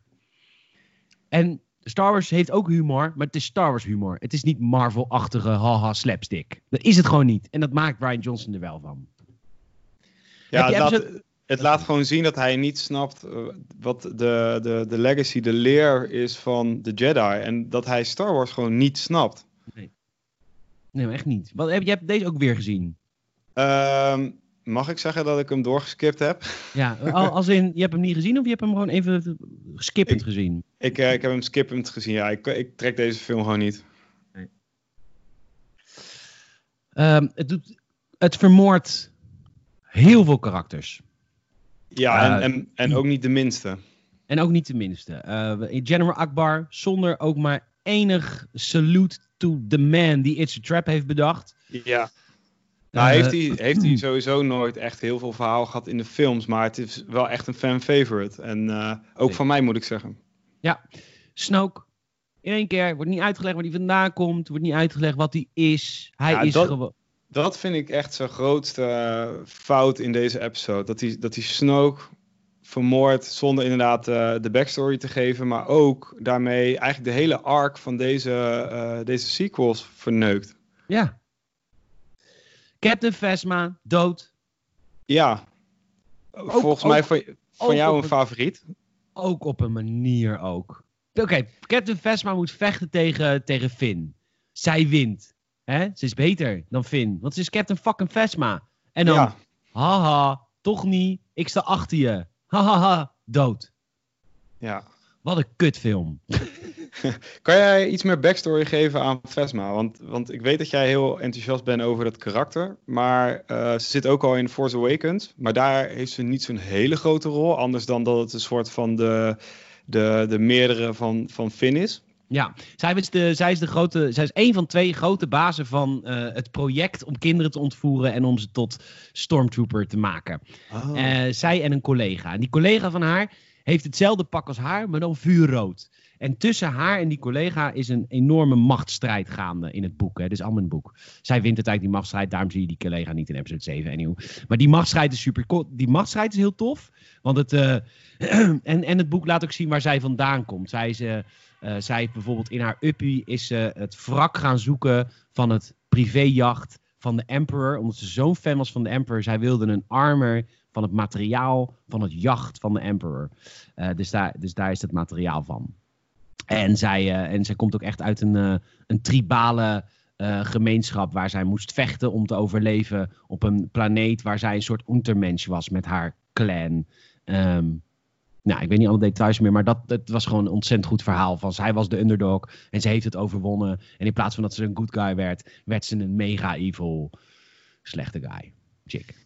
Ja, dat is zo'n gemiste kans, hè? want deze story arc die had gewoon door moeten gaan, ook in de volgende film. Uh, uh, er is zoveel backstory wat je daarover kan vertellen en het zou ook zoveel uh, langer opbouwen naar die story arc voor Finn. Want Finn is eigenlijk gewoon na dit gevecht klaar. Ik bedoel, hij heeft niks meer te halen. Ja, hij kan een beetje meevechten met de Resistance, maar zijn persoonlijke verhaal is eigenlijk afgerond hiermee. Ja, afgerond. Ja, is klaar. Ja, nou wat er gebeurt in de film is uh, de, de, de rebellen, er zijn er niet zoveel meer, de resistance. Uh, de, de, er wordt een schip wordt er vernietigd, het schip van, uh, van Princess Leia. Princess Leia heeft, heeft, die heeft niet alleen de Force, maar is ook Superman. Dus zij ja. vliegt, ja, ze vliegt terug, terug door de space, terug het schip weer in. Nou, zij is, zij is de, de grootste gedeelte van de film en het zou haar film moeten zijn. Is, is ze er niet, want ze ligt in coma. de, de, de, de command wordt overgenomen door iemand anders. ook een heel uh, ja, verwisselbaar karakter. Hoe heet ze? Met paars haar. Nou, Holdo, toch? Holdo, dankjewel. Holdo die doet Po uh, op uh, non-actief zetten. Want Po heeft heel veel, dat is wel echt waar. Die heeft, die heeft een order van Lea genegeerd. En is een, is een Star Destroyer gaan aanvallen. Maar heeft daardoor heel veel manschappen verloren. Po wordt op non-actief gesteld. Maar het schijnt ze. en, oh ja, en ze, ze jumpen to lightspeed. Ze gaan weg. Maar voor het eerst in de geschiedenis van Star Wars heeft de First Order iets uitgevonden. waardoor ze mensen kunnen tracken door lightspeed. Dat kon tot dit moment niet. Dat was onmogelijk als je lightspeed was. Want dat hebben we gezien in alle films. Han Solo ontsnapt, lightspeed. Ze konden tracken door lightspeed. Dus wat er vervolgens gebeurde is: oh my god, ze komen achter ons aan via lightspeed. En de benzine raakt op. en zij oh, we hebben opeens benzine. Ja, we hebben benzine. En we gaan, uh, ja, we gaan maar vluchten, zo lang mogelijk. En in de hele film vluchten ze. Ze zijn alleen maar aan het vluchten. Met een grote achtervolging. Op een gegeven moment komt, uh, ja, godver, we moeten hier wat aan doen. Nou, wat doet, uh, wat doet, wat doet Po? Die, die belt Mas Canada. Dat was die chick die de bar leidde in episode 7. Ha, solo, die. En um, zij zegt, ook heel kut. Zij, heeft, uh, zij zegt, ja, ik kan niet komen, want er is een, uh, er is een dispuut met, uh, hoe heet dat? Met de, met de vakbond. Er, letterlijk, er is een dispuut met de vakbond, ik kan niet komen. En zoek het maar uit, ja. Dat doet ze schietend. Haha, een dispuut met de vakbond, ze schiet mensen. Ha, dat zoek maar uit. Maar ik ken toevallig een, een, een hacker, die, die heet DJ... En ik ga heel snel stoppen met de film. Ik ga alleen de volgende scène nog uitleggen over hoe kut die film is. Dat duurt vijf minuutjes. Maar daarna gaan we snel verder. Ik, ik hou niet van negativiteit. Um, maar zij zegt, luister, ik ken een, een hacker. Dus één hacker die kan uh, die tracking device uitzetten. Eentje. Die heet DJ en die zit op Canto Bite. Nou, prima. Dan gaan vervolgens gaan Finn en Rose. Die gaan naar Canto Bite. Rose, ik heb niks tegen Rose. Maar heel veel mensen vinden het heel kut. Jij ook, hè? Eh, ja. Ja, vind ik. Finn en Rose, die gaan naar Canterbury. Die parkeren hun eh, ruimteschip. Ze gaan, eh, Canterbury is best wel tof bedacht. Het is een casino-planeet. Las Vegas, maar dan een hele planeet. Eh, zij parkeren een auto of een ruimteschip. Ze gaan de, ze gaan de, de casino in. En dat is een beetje de, de, de, de, de, de cantina-scène uit deze film. Yep, check. Ha, ha, ha. Ik ben een alien en ik doe mijn muntjes gooi ik niet in een gokmachine, maar in BB-8. Waar, dit, waarom zou een, een, een droid een optie hebben dat je, er, dat je er geld in kan stoppen? Ja. Nou. Ze worden gearresteerd omdat ze hun ruimteschip verkeerd hebben geparkeerd. Fucking parkeerboete krijgen. Ja, het is echt bizar. Ja, nou ja, de, DJ, de hacker die ze moesten hebben, die kunnen ze dus niet vinden. Want die was aan het gokken en zij zitten dus vast, want ze zijn opgepakt. Want ze hadden hun ruimteschip verkeerd geparkeerd. Maar toevallig zitten ze opgesloten in een cel met een andere hacker die het eigenlijk ook net zo goed kan. Ja, er is dan nog gelukkig wel Benicio del Toro. Dus echt wel een goede acteur. Maar het voelt weer zo random. Nee, maar het, is, het is gewoon het is makkelijk. Alles is Ja. makkelijk. Het is wel Ja. ook om van punt A naar punt B. Hoe doe ik het op de kutste, makkelijkste manier? Ja. Ja, nou, dan ontsnappen ze mede omdat BB-8 allemaal muntjes in zich had gegooid gekregen van, door een gokker. Want daardoor kon hij de guards kon die soort van afleiden met, met, met geld. Ja, en dan vergeet je nog die soort van renpaarden die bevrijd moeten worden. Want we zijn opeens PETA, eh, Animal Rights eh, activist. Ja. Oh, En, deze eh, hele scène had eruit gekund. En Broomboy wordt hier geïntroduceerd, want er wordt verteld aan ons dat de Force is van iedereen. Ja. Gast, de Force kan ook gebruikt worden door... Ryan Johnson, het is nooit beweerd dat alleen de Skywalker-familie de Force heeft. Alleen, want we hebben allemaal andere Jedi's. Overal in de films. Alleen, het gaat, dit, deze epos gaat over de familie Skywalker. Dat is altijd zo geweest. Dat heeft George Lucas altijd gezegd. Het is een familiefilm over een familie. De familie Skywalker. Dat verhaal wordt verteld. Nou, prima. Ryan Johnson moest vertellen dat Rey nergens vandaan komt. Want, oh, iedereen kan een Jedi zijn. Ondertussen is Luke Skywalker is, heeft zijn connectie met de Force afgesloten. Oké, ik wil geen Jedi meer zijn. Want, ik, want ik, ik, heb het, ik heb het fout gedaan met mijn neefje. Want ik wilde mijn neefje vermoorden. I guess. Want hij had Darkseid. I guess. Nou, en uiteindelijk stopt de film met een soort laatste epische battle die ook niet gehoeven had. Het was daarvoor al prima. Die film had een uur eerder kunnen stoppen. Maar een laatste soort epische battle op Crate. Een ja, wat zoute eruit ziet als hot. Ja, Nou, ik moet zeggen, ik vind het visueel wel een hele mooie planeet met ro- met het rode. met het rood, ja. Ja, Ja. ja. oké, maar het is en ik vind de natuurlijk wel... vosjes ook lief. Ja, oké, merchandise. Maar eh, ja, op zich natuurlijk met die, met die walkers op een witte planeet. Het ziet er wel heel erg uit als hot. Maar Ja, het ziet er hot uit als hot. Uiteindelijk eh, gaat eh Kylo Ren met, met Luke vechten. Maar het was niet Luke, want opeens kan de Force ook je naar een andere plek toveren. En, eh, en dat kostte hem zoveel kracht. Oeh, oeh, oeh, kost me zoveel kracht. Dat ik eh, dood ben. Luke ook dood. Luke is ook dood. Ja, ook Ja. Luke. Ja, Ook dood. Weet je, Wie is allemaal dood? ja. Flinke lijst inderdaad. Vesma, eh, Admiral Edbar, eh, Luke, Lea, maar toch niet. Ja, Vesma. Nou ja, Lea, in, die ging dus in het echt dood. Dus dat was de enige eigenlijk die het soort van overleefde. Maar die ging dus in het echt dood daarna. Ja. Als ze nou gewoon tijdens die Superman move buiten was gebleven, dan was het gewoon prima geweest. Dat, maar goed. Het, het mocht niet zo zijn. Nou, ik ben hierna. eh, wij deden een Star Wars podcast.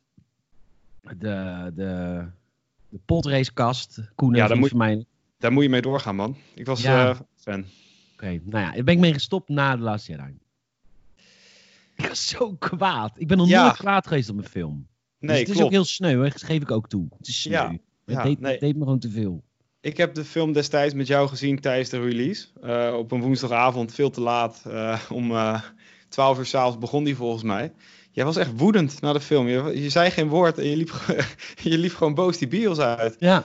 En normaal gesproken, en ik, de, de, de- de episode 9, Heel vaak is het zo dat je een film net na de bioscoop heel vet vindt. En daarna ga je Ja. nadenken en dan ga je Klopt. extrapoleren. Dat hebben we met episode 9 ook gehad. Die vinden we allebei niet zo goed als we hem vonden in de bioscoop. Klopt. Ja. Jij vindt hem iets kutter dan ik hem nu vind. Maar goed, ik vind hem niet zo goed als ik hem toen net... Maar zelfs net na de bioscoop was ik al kwaad. ja, je was echt gelijk pist. ja. Ja. Ja.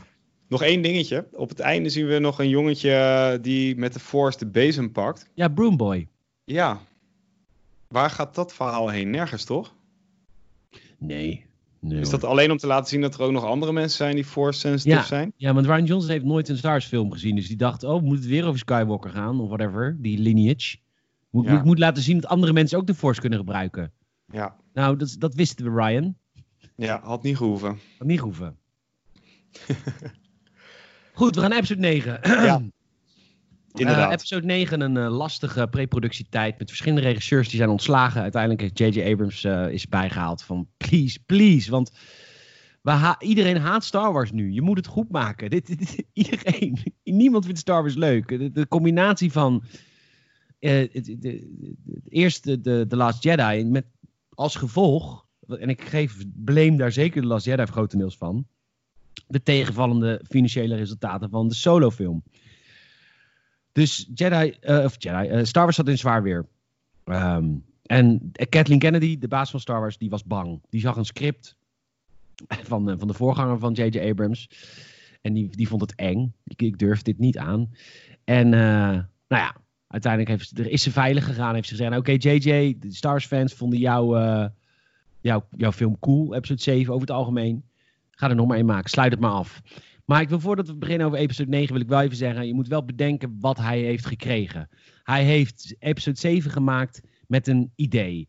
Dat de backstory. hij heeft- J.J. Abrams heeft een perfecte film afgeleverd voor een volgende schrijver, toch? Hij heeft een leuk.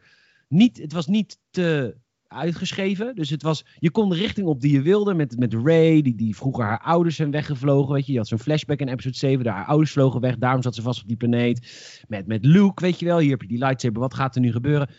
Eh, met Snoke. eh, hij heeft niet te veel verteld over Snoke. Zat een volgende schrijver dat allemaal kon uitleggen. En al die plotpunten waarvan hij heeft gezegd: oké, daar kun je iets leuks mee doen.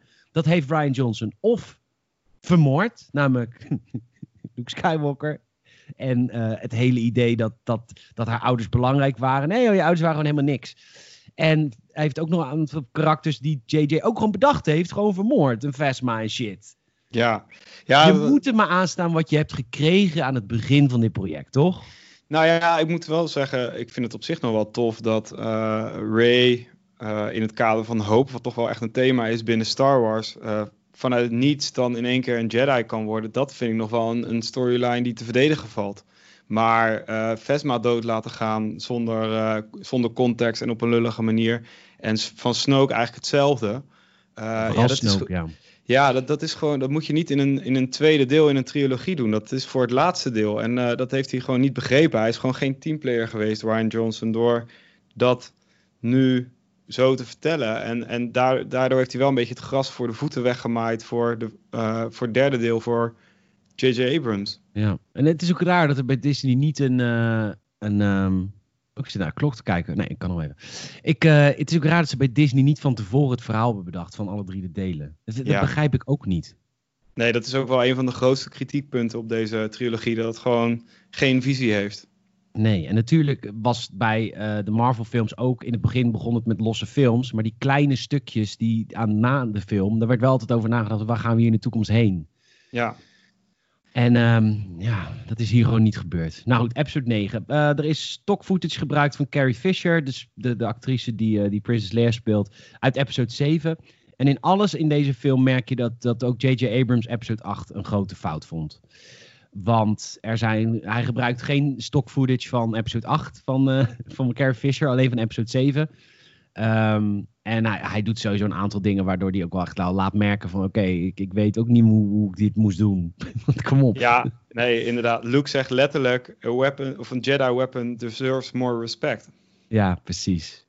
En hij zegt ook letterlijk, legt Luke Skywalker, I was wrong. Ja, I was wrong, ja. Les, je, wat, wat je allemaal hebt verteld in de vorige film. I was wrong, oké? Ja. ja. echt een middelvinger naar Ryan Johnston. Ja, maar oké, de film eh, begint met, uh, met uh, heel tof. Uh, dus de, de, de Millennium Falcon wordt, wordt nu bevolkt door Finn en Poe en een soort raar monster. En, en Chewie. En ze moeten. Er zijn plannen toch? Die zei. Oh nee, er was de, nee, de, de Dead Speak. Er zijn geruchten dat de, Emperor, dat de Emperor leeft. Ik denk dat jij daar moeite mee hebt, hè? Zo, nogal, maar daar kom ik zo al. Er zijn geruchten dat de Emperor nog leeft. En uh, zij moeten iets, uh, iets, iets van een spion pakken. Krijgen ze de locatie of zo, denk ik, I guess. Er was iets. Nou, ik heb de film niet onlangs. Nou, wel onlangs, maar niet zo onlangs. Bedoel je de Sid Wayfinder? Ja, maar wat, wat, wat levert die spion in het begin van de film af aan, aan Poe en aan Finn? Even kijken hoor, waar zit je nou? Helemaal begin uh, van de film. Eerste ja, stuk. Het, het, begint toch met uh, Kylo Ren die op uh, een soort van. Oh ja. Oh ja. Mensen aan het, het afslachten is. En dat hij dan als eerste. Waarvan we dan nog denken de enige Sith Wayfinder vinden. En dat is dan de, de een soort van kompas wat leidt naar de Emperor. Ja, en hij gaat dan ook naar de Emperor. En in, in, op die planeet waar de Emperor is, zie je hoe Snoke is, uh, is, is op sterk water. ja, allemaal, op, allemaal Snokes op sterk water. Het was, ja. het was uiteindelijk allemaal de Emperor. Die heeft Snoke bedacht. En ja. dat vind jij ook kut. Maar wat moet hij anders? Wat, wat moet J.J. Abrams anders? In één film nog een bad guy bedenken? Nee, maar waarom? Je hebt toch Kylo Ren? Er hoeft toch niet per se altijd een soort supreme leader, emperor te zijn? Ja, oké. Okay. En, uh, ja, maar dit, maakt, gewoon... dit, dit repareert ook wel een deel van episode 8. Ja, Want als jij nu episode 8 kijkt en je, je, hebt, je visualiseert de Emperor in plaats van Snoke, geeft het wel een soort van meer gewicht of zo. Ja, oké. Okay. Um, maar ja, ik, ik zie dat toch anders. Want doordat je de Emperor ter terughaalt, uh, doet gewoon heel veel van het verleden doet er niet meer toe. Die epische scène van Darth Vader, dat hij hem die schacht inflikkert ja, blijkbaar gaat hij dus daar niet dood. Of in ieder geval... Uh, hij wordt gekloond. Ja, precies. Hij is in ieder geval op, op zo'n onnatuurlijke ja, dat is, uh, manier. Dat is, dat is naar buiten gekomen in de, in, het, in de novelization van episode 9. Hebben ze duidelijk gemaakt dat dit, uh, dat dit een kloon is van de Emperor. Ja, precies. Maar goed, wederom gaat er iemand die in een schacht flikkert niet dood. ja, klopt. We leren het ook nooit. Ik bedoel, uh, echt een effectieve manier om iemand dood te krijgen is dat dus blijkbaar niet. Nee. Dus, uh, dus hij leeft nog. Nou, Snoke, die hele verhaallijn van de, de twee afleveringen ervoor, dat doet hij dan dus blijkbaar niet doen. Nee, maar oké, okay, maar dat is de schuld van Ryan Johnson. Dat is, okay. kan je JJ niet in. Wat had JJ moeten doen? Hij, het enige wat hij met Snoke heeft gedaan is op sterk water gezet en gezegd: Het was de Empire, ja, I guess. Ja, oké, okay, maar hij hoort ook een soort van uh, God nu die Anakin heeft gemaakt. Ja. Ik bedoel, als hij dat allemaal kan maken, waarom, ja, dan is hij dus blijkbaar zo oppermachtig. Eigenlijk is hij zo overpowered dat hij. Ja, dan, dan moet hij toch alles een kant op kunnen sturen wat hem zint. Dan zou hij toch eigenlijk helemaal geen moeite moeten hebben met een, een, een, een Ray of iets dergelijks. Nee, maar het is wel ook zo dat, dat, dat Palpatine is de sterkste Sith ooit. Hè? En dat is ook letterlijk zo. Want wat hij heeft gedaan in de prequel trilogy is natuurlijk het meest slimme plan wat ooit in een film is bedacht. Ja. Toch? Ja, ja oké. Okay. Nee, true. En hij heeft ook al wel gehint in de prequel trilogy dat hij leven kan maken. Want zijn oude meester, zijn, zijn, zijn Sith Lord, uh, kon dat. En dat wordt ook in zijn niet meer canon boek uh, over Palpatine verteld. Ja, en ook weer in teruggehint in zijn, de eerste zinnen die hij zegt van uh, in the ways, natural ways. Ja, or unnatural. Ja. ja. Goed, ik sla even wat over. We gaan naar de training van, uh, van Leia. Zij wordt, ze, uh, van, uh, van, van Rey. Zij wordt getraind door Leia. Leia is ook een Jedi. Dat wisten we ook al. maar Leia heeft ook wel officieel Jedi-training gehad door Luke. Ook dat was al wel bekend. Maar ze heeft uiteindelijk ervoor gekozen om meer het politieke spel te spelen. Um, maar ze heeft de Force en zij, ze, zij traint Rey als het ware. En daarvoor is stock gebruikt. Wat, hoe voel je dat dat gebruikt is?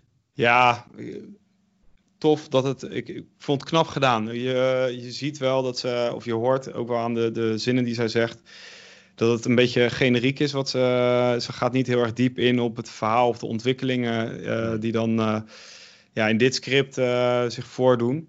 Maar ik vind wel knap om, want ja, ze is natuurlijk overleden, om dan toch nog op deze manier een soort hommage aan die actrice Carrie Fisher te doen. Ja. Ja, dat vind ik wel knap gedaan. Res respectvol ook. Ja, zeker. En haar dochter zit er ook in, hè? Haar dochter ja. is een van de rebellen. Ze lijkt er ook echt op. Ja. En uh, dat vind ik ook mooi, want op een gegeven moment later in de film, als, als Lea echt sterft, of als Lea in de film sterft, dan is haar dochter daar ook bij. Dat vind ik zo mooi. En ze hebben Ja. ook heel veel geld op de set, heb ik later nog gezien op de making of. Oké, Dat snap ik ook wel. Ja. Heel respectvol gedaan. Zij heeft de training en eh, de, de, de Po, eh, Po en Finn komen terug van de missie. En waarom ben jij nooit bij onze missie? Je bent alleen maar aan het trainen. En daar hebben ze echt heel erg gelijk in. Wat is zij fucking constant aan het trainen? Ga gewoon Ja. even welpen. Je kan de beste vliegen van allemaal. Top sporter, hè? Alles voor de sport. Ja, alles voor de sport. Echt wel tof hoe ze daar aan het trainen is. En je merkt ook dat ze een beetje bozig wordt ook af en toe al. Dat ze, dat ze elke keer geschoten wordt door zo'n, door zo'n droid die ook in episode 4 zit. Waar Luke mee traint. En eh, dan, dan slaat ze zo'n boom om met de, eh, met de lightsaber. En die valt dan op BB-8. Oh, hebben we net niet benoemd. Is BB-8 het beste karakter gemaakt van de sequel trilogy? Nee, vind ik niet. Oh. Nee, Ik dat is. Kylo Ren.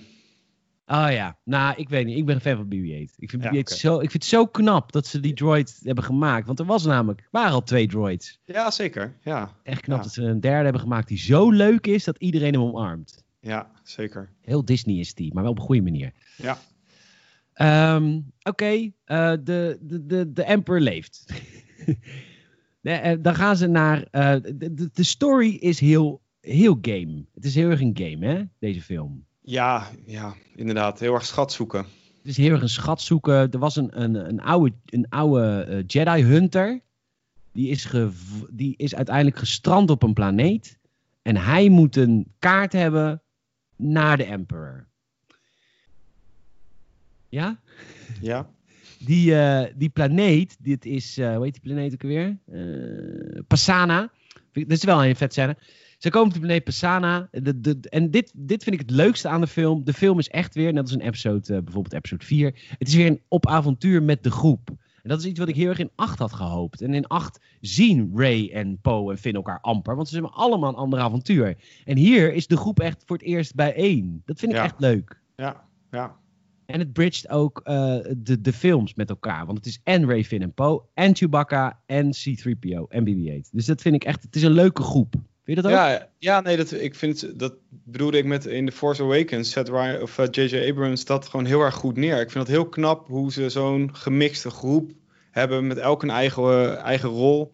Eh, ja, dat, dat werkt heel erg goed. Ja, Dus- en... en eh, Dus die moeten gewoon bij elkaar blijven eigenlijk. Gewoon eh, op avontuur gaan. Ja, ze moeten lekker op avontuur. Dat doen ze ook. C-3PO vertelt allemaal kutfeitjes. De rest van de groep ergert zich dood aan C-3PO. en dat is heerlijk, want dat heb ik natuurlijk als kijker ook al sinds episode 4. Ja. Eh, ze komen op Passana, waar eens in een generatie een heel groot feest is. Dikke Eh, vissa, ja. Dikke Vissa, al die, al die personages die je ziet zijn echt. Eh, want dat is ook JJ. JJ gebruikt natuurlijk veel CGI, maar ook heel veel props. Dus al die baby's die je ziet zijn niet CGI, ze zijn allemaal echt. Ze is gewoon een gat gegraven onder de grond. En dat zijn gewoon echt poppenspelers die die bedienen. Echt leuk gedaan. En ze moeten vluchten voor de, voor de First Order die ze daar vindt. En ze stappen in een... eh, dit is een sandcrawler zonder de bovenkant. Dus zijn alleen de wielen van de sandcrawler. Ze stappen daarin en daar is Lando Calrissian. Wat een geweldig leuk acteur is dat toch. Wat een legend, ja. Ja, zeker. Billy D. Ja. Williams. Oh, wat geweldig.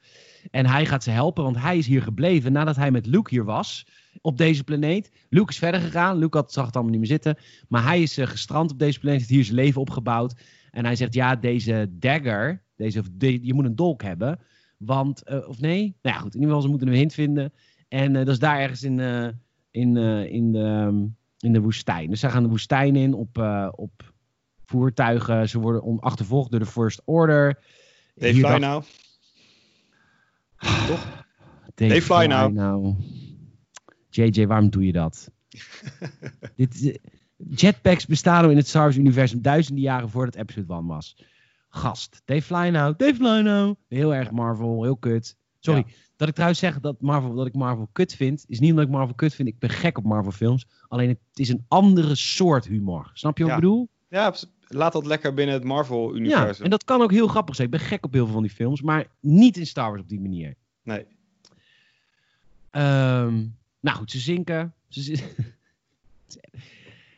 Eigenlijk niet zo'n goede film ook. Nee. Waarom rijden ze op motoren met wielen? Dit is, de film laat ook zien dat het niet praktisch is. Want ze gooien een stuk tussen zijn wielen. Er is een reden dat in het Star Wars-universum geen wielen zijn. Dan moet je Ja. niet opeens motoren gaan introduceren met wielen. Want het is heel onpraktisch, want ze kunnen er dingen tussen stoppen... waardoor je op je bek gaat. Dat gebeurt ook. Ja. Ja, en dan Nou, komen ze in een soort van. eh, Nou, dat vind ik wel leuk om te vertellen. Dat zakken door de drijfzand is ook echt. Is ook geen CGI. Ze hebben echt een gat gegraven. Dat Oh, nice. echt. Maar wel weer heel random, want het brengt hun uiteindelijk bij die dolk. Ja, komt er heel toevallig komen ze dolk tegen. Ik ga, even, ik ga even skippen, want ik kom in tijdnood voor mijn werk. Oh, oké. Ook belangrijk. Ja, ik zit eh, toch anderhalf uur te praten. Anywho. Heftig moment. Chewbacca wordt opgepakt. Eh, Ray en Kylo die gebruiken allebei Force Pool om het ruimteschip waar ze Chewbacca mee willen ontvoeren terug te trekken. Dit is een soort van... Ik kan me heel veel voorstellen als je zoveel de Force gebruikt dat je heel veel windjes moet laten. Want zo kijken ze Er altijd. staat zoveel druk op. Ja, ze kijken ook altijd zo. Oeh, oeh, ik heb echt een... Oh, shit. Oeh, ja. nou ja, allebei volle broek. En daar zien we dat Ray in één keer Force Lightning gebruikt. Ja, dan weet je het eigenlijk al. hè. Dan weet je het al. De, Ray is heel evil, heel darkside. Er zit iets heel darksides in haar. Ja. Dacht jij dat Chewie dood was? Ja. Ja, ik ook. Dus dat is goed, toch? Ja, het wordt ook wel weer gelijk in de volgende scène uh, ontkracht. Nee, nee, een paar scènes later. Paar scènes. Oké, maar wel eh, ja, in een korte tijd. snel. Ja, ja. Ja. ja. blij dat hij niet dood is, maar ja. ja. Ehm, nou, het, dan. Chewie. Babu Freak. Oh ja, dit is een, ze vinden een mes. En C-3PO zegt, ik weet wel wat op het mes staat, maar mijn, mijn programmering die verbiedt me de oude Sith eh, taal te gebruiken. Want de, taal die dit is, is Sith. Dus ze gaan naar een planeet, Kijimi. Nou, komt Dave Poe komt eh, zijn oude liefde tegen, prima. Maar er is daar, want er is daar een hacker en die kan C-3PO's memory eh, swipen, waardoor ze kunnen lezen wat erop staat op dat mes. En ehm, dat doen ze dan ook. Ik vind Babu Freak een fantastisch karakter trouwens. Mag even Hey! Ja, Babu Freak is een soort vies, goor, klein mannetje. Die heel erg moet lachen als hij C-3PO's memory wiped. ja. Heel, heel grappig.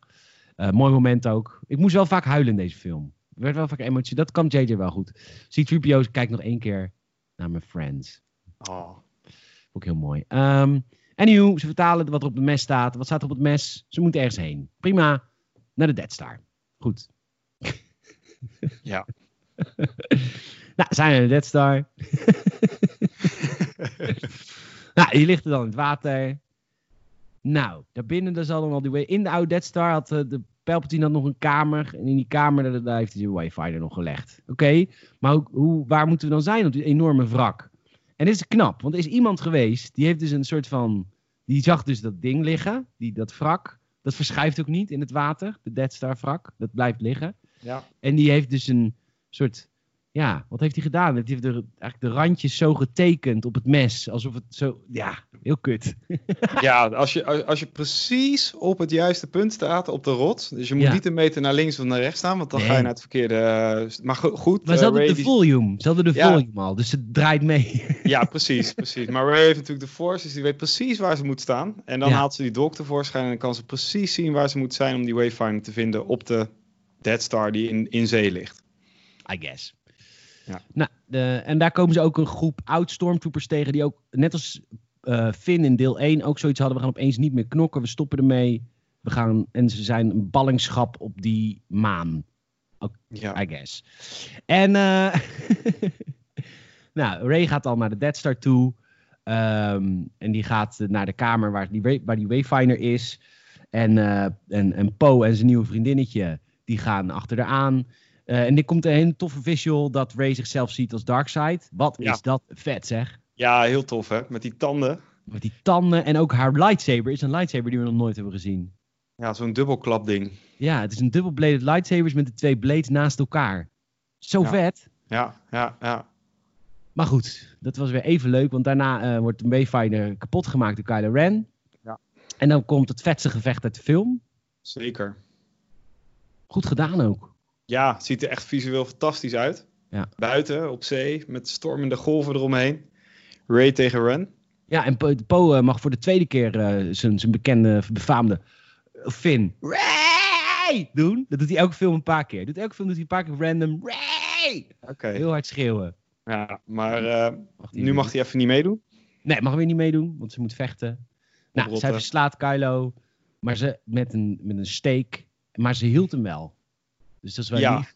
Hier zie je wel echt dat Adam Driver echt een goede acteur is. Hè? Want in het begin dan zie je hem echt nog als, eh, als Kylo Ren, als de, de gast die eh, tegen Ray aan het vechten is. En dan op een gegeven moment neemt Ray het over. En dan is hij sterven en dan is het echt weer een jongetje. Dan is het echt, dan is het Ben. Dan is het Ben, die dan ook, want nu doet zijn moeder ook heel veel windjes laten, want met de laatste kracht die ze heeft, projecteert ze haar- zijn vader, Han Solo, eh, op, zij projecteert Han Solo, zodat hij nog even tegen zijn zoon kan zeggen van, eh, je bent nu goed. Maar prima. En als Ja, dat, zodra ze dat gedaan heeft, sterft ze ook. Ah, Ja. Onder bezielende oog van, eh, hoe heet ze? Han Solo. Ja. Ja, want zij weet heel veel van de Force, maar dat was al een 7. Maar we weten niet waarom. Anywho, maakt niet uit. zij legt even alles uit. Zij legt alles uit de groep. De groep snapt het niet helemaal. Zij zei, Ja. nee, we zijn doen nu heel veel kracht zetten. Iedereen vraagt zich, waarom stinkt het hier zo? zij doet heel veel kracht moet ze constant zetten, om, want ze gaat nu iets aan eh, Kylo vertellen via Han Solo. Dat is heel, ja. oh, doet de Force. Dat weet ze. Zelf, legt, zelf gaat ze op in de Force. Heeft ze er geen last meer van. Nee, zij gaat nu op in de Force. Ze is nu waar ze moet zijn. Ach, nou, hartstikke goed. Ehm, nou ja, eh, Ray eh, die hield Kylo. Kylo wordt ook. waarom ik, de, waarom ik de Knights of Ren niet heb benoemd? Die zijn kut. Ja, er wordt heel eh groots over gepraat. Maar we zien eigenlijk nergens dat ze ook groot zijn. Nee, maar dit is ook... ah, er moet zoveel in deze film goed gemaakt worden uit 8. Kijk, als Ryan Johnson gewoon de Knights of Ren had gebruikt... die al gewoon worden benoemd in episode 7, hè? Als, dus, als Ryan Johnson iets tof had gemaakt... bijvoorbeeld die rode guards of zo. Als dat Ja. dan, die rode guards in episode 8... al- Als dat de Knights of Ren waren... en hadden er een paar het overleefd of zo. Weet je, iets cools. Maar nee. Allemaal. Nou goed. Ray eh, gaat naar Exegol in, eh, in die X-Wing van... eh, Oh nee, Ray gaat eerst nog even terug naar Act 2. Want nu, nu heeft Ray even de momentje dat Luke had. Ik ga me, nu ga ik me afsluiten van de Force. Want alles wat ik doe is stom. Ik voel Ja. me echt, alles is stom. Ja. En dan komt Luke's Force Ghost komt eruit. Nee, je bent niet stom. Die Je mag vangt lightsaber- lightsaber. Dus blijkbaar kan die dan ook nog meedoen in een gevecht. Ja, dan kan, ja precies. Hij vangt lightsaber, ja, de Ghost vangt lightsaber op. En, eh, maar jij, hebt het ook gedaan. Jij hebt je ook afgesloten van de Force. En dan zegt hij, I was wrong. Oké, prima. Hij was wrong. Hij tilt die X-Wing op. Kan ook. Wat wel echt vet is. Ja, het is wel vet. Een mooie verwijzing naar vroeger. En zij, eh, maar oké, nu, oké, zegt ze. Oh, oké, ik was niet, oké, ik was toch niet kut. Ik was eigenlijk toch wel goed, zegt ze dan. En dan zegt ze, oké, nou, maar dan ga ik ook wel nu ook wel de wereld redden, zegt ze dan. Oké, En maar nu, ze krijgt de lightsaber. en ze krijgt de lightsaber van Lea. Dat is wel echt Ja, vet. ja. Ja, dat vond je heel bijzonder, dat ik dat al in de bioscoop wist voordat jij het wist. ja.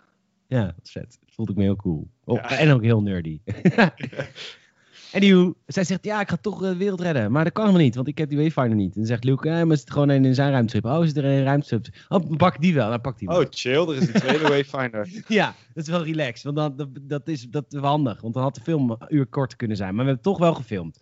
Ja. Prima, we gaan door. Zij gaat- ja hoor. Zij gaat, ja, zij gaat naar Exegol. Nou, prima. Gaat Ja. erheen. Ja. Nou, ondertussen gaat eh, de Resistance, gaat eh, de, de, de, de Final Order gaat ze aanvallen. Ja. Jij dacht tijdens de sequel trilogy, de Emperor was er niet. Nou, die was, die was er wel, maar die heeft ook een hele grote secte opgebouwd van Sith-volgelingen. En die hebben een heel groot leger gebouwd. Met op elk ruimteschip een Death Star. Ja.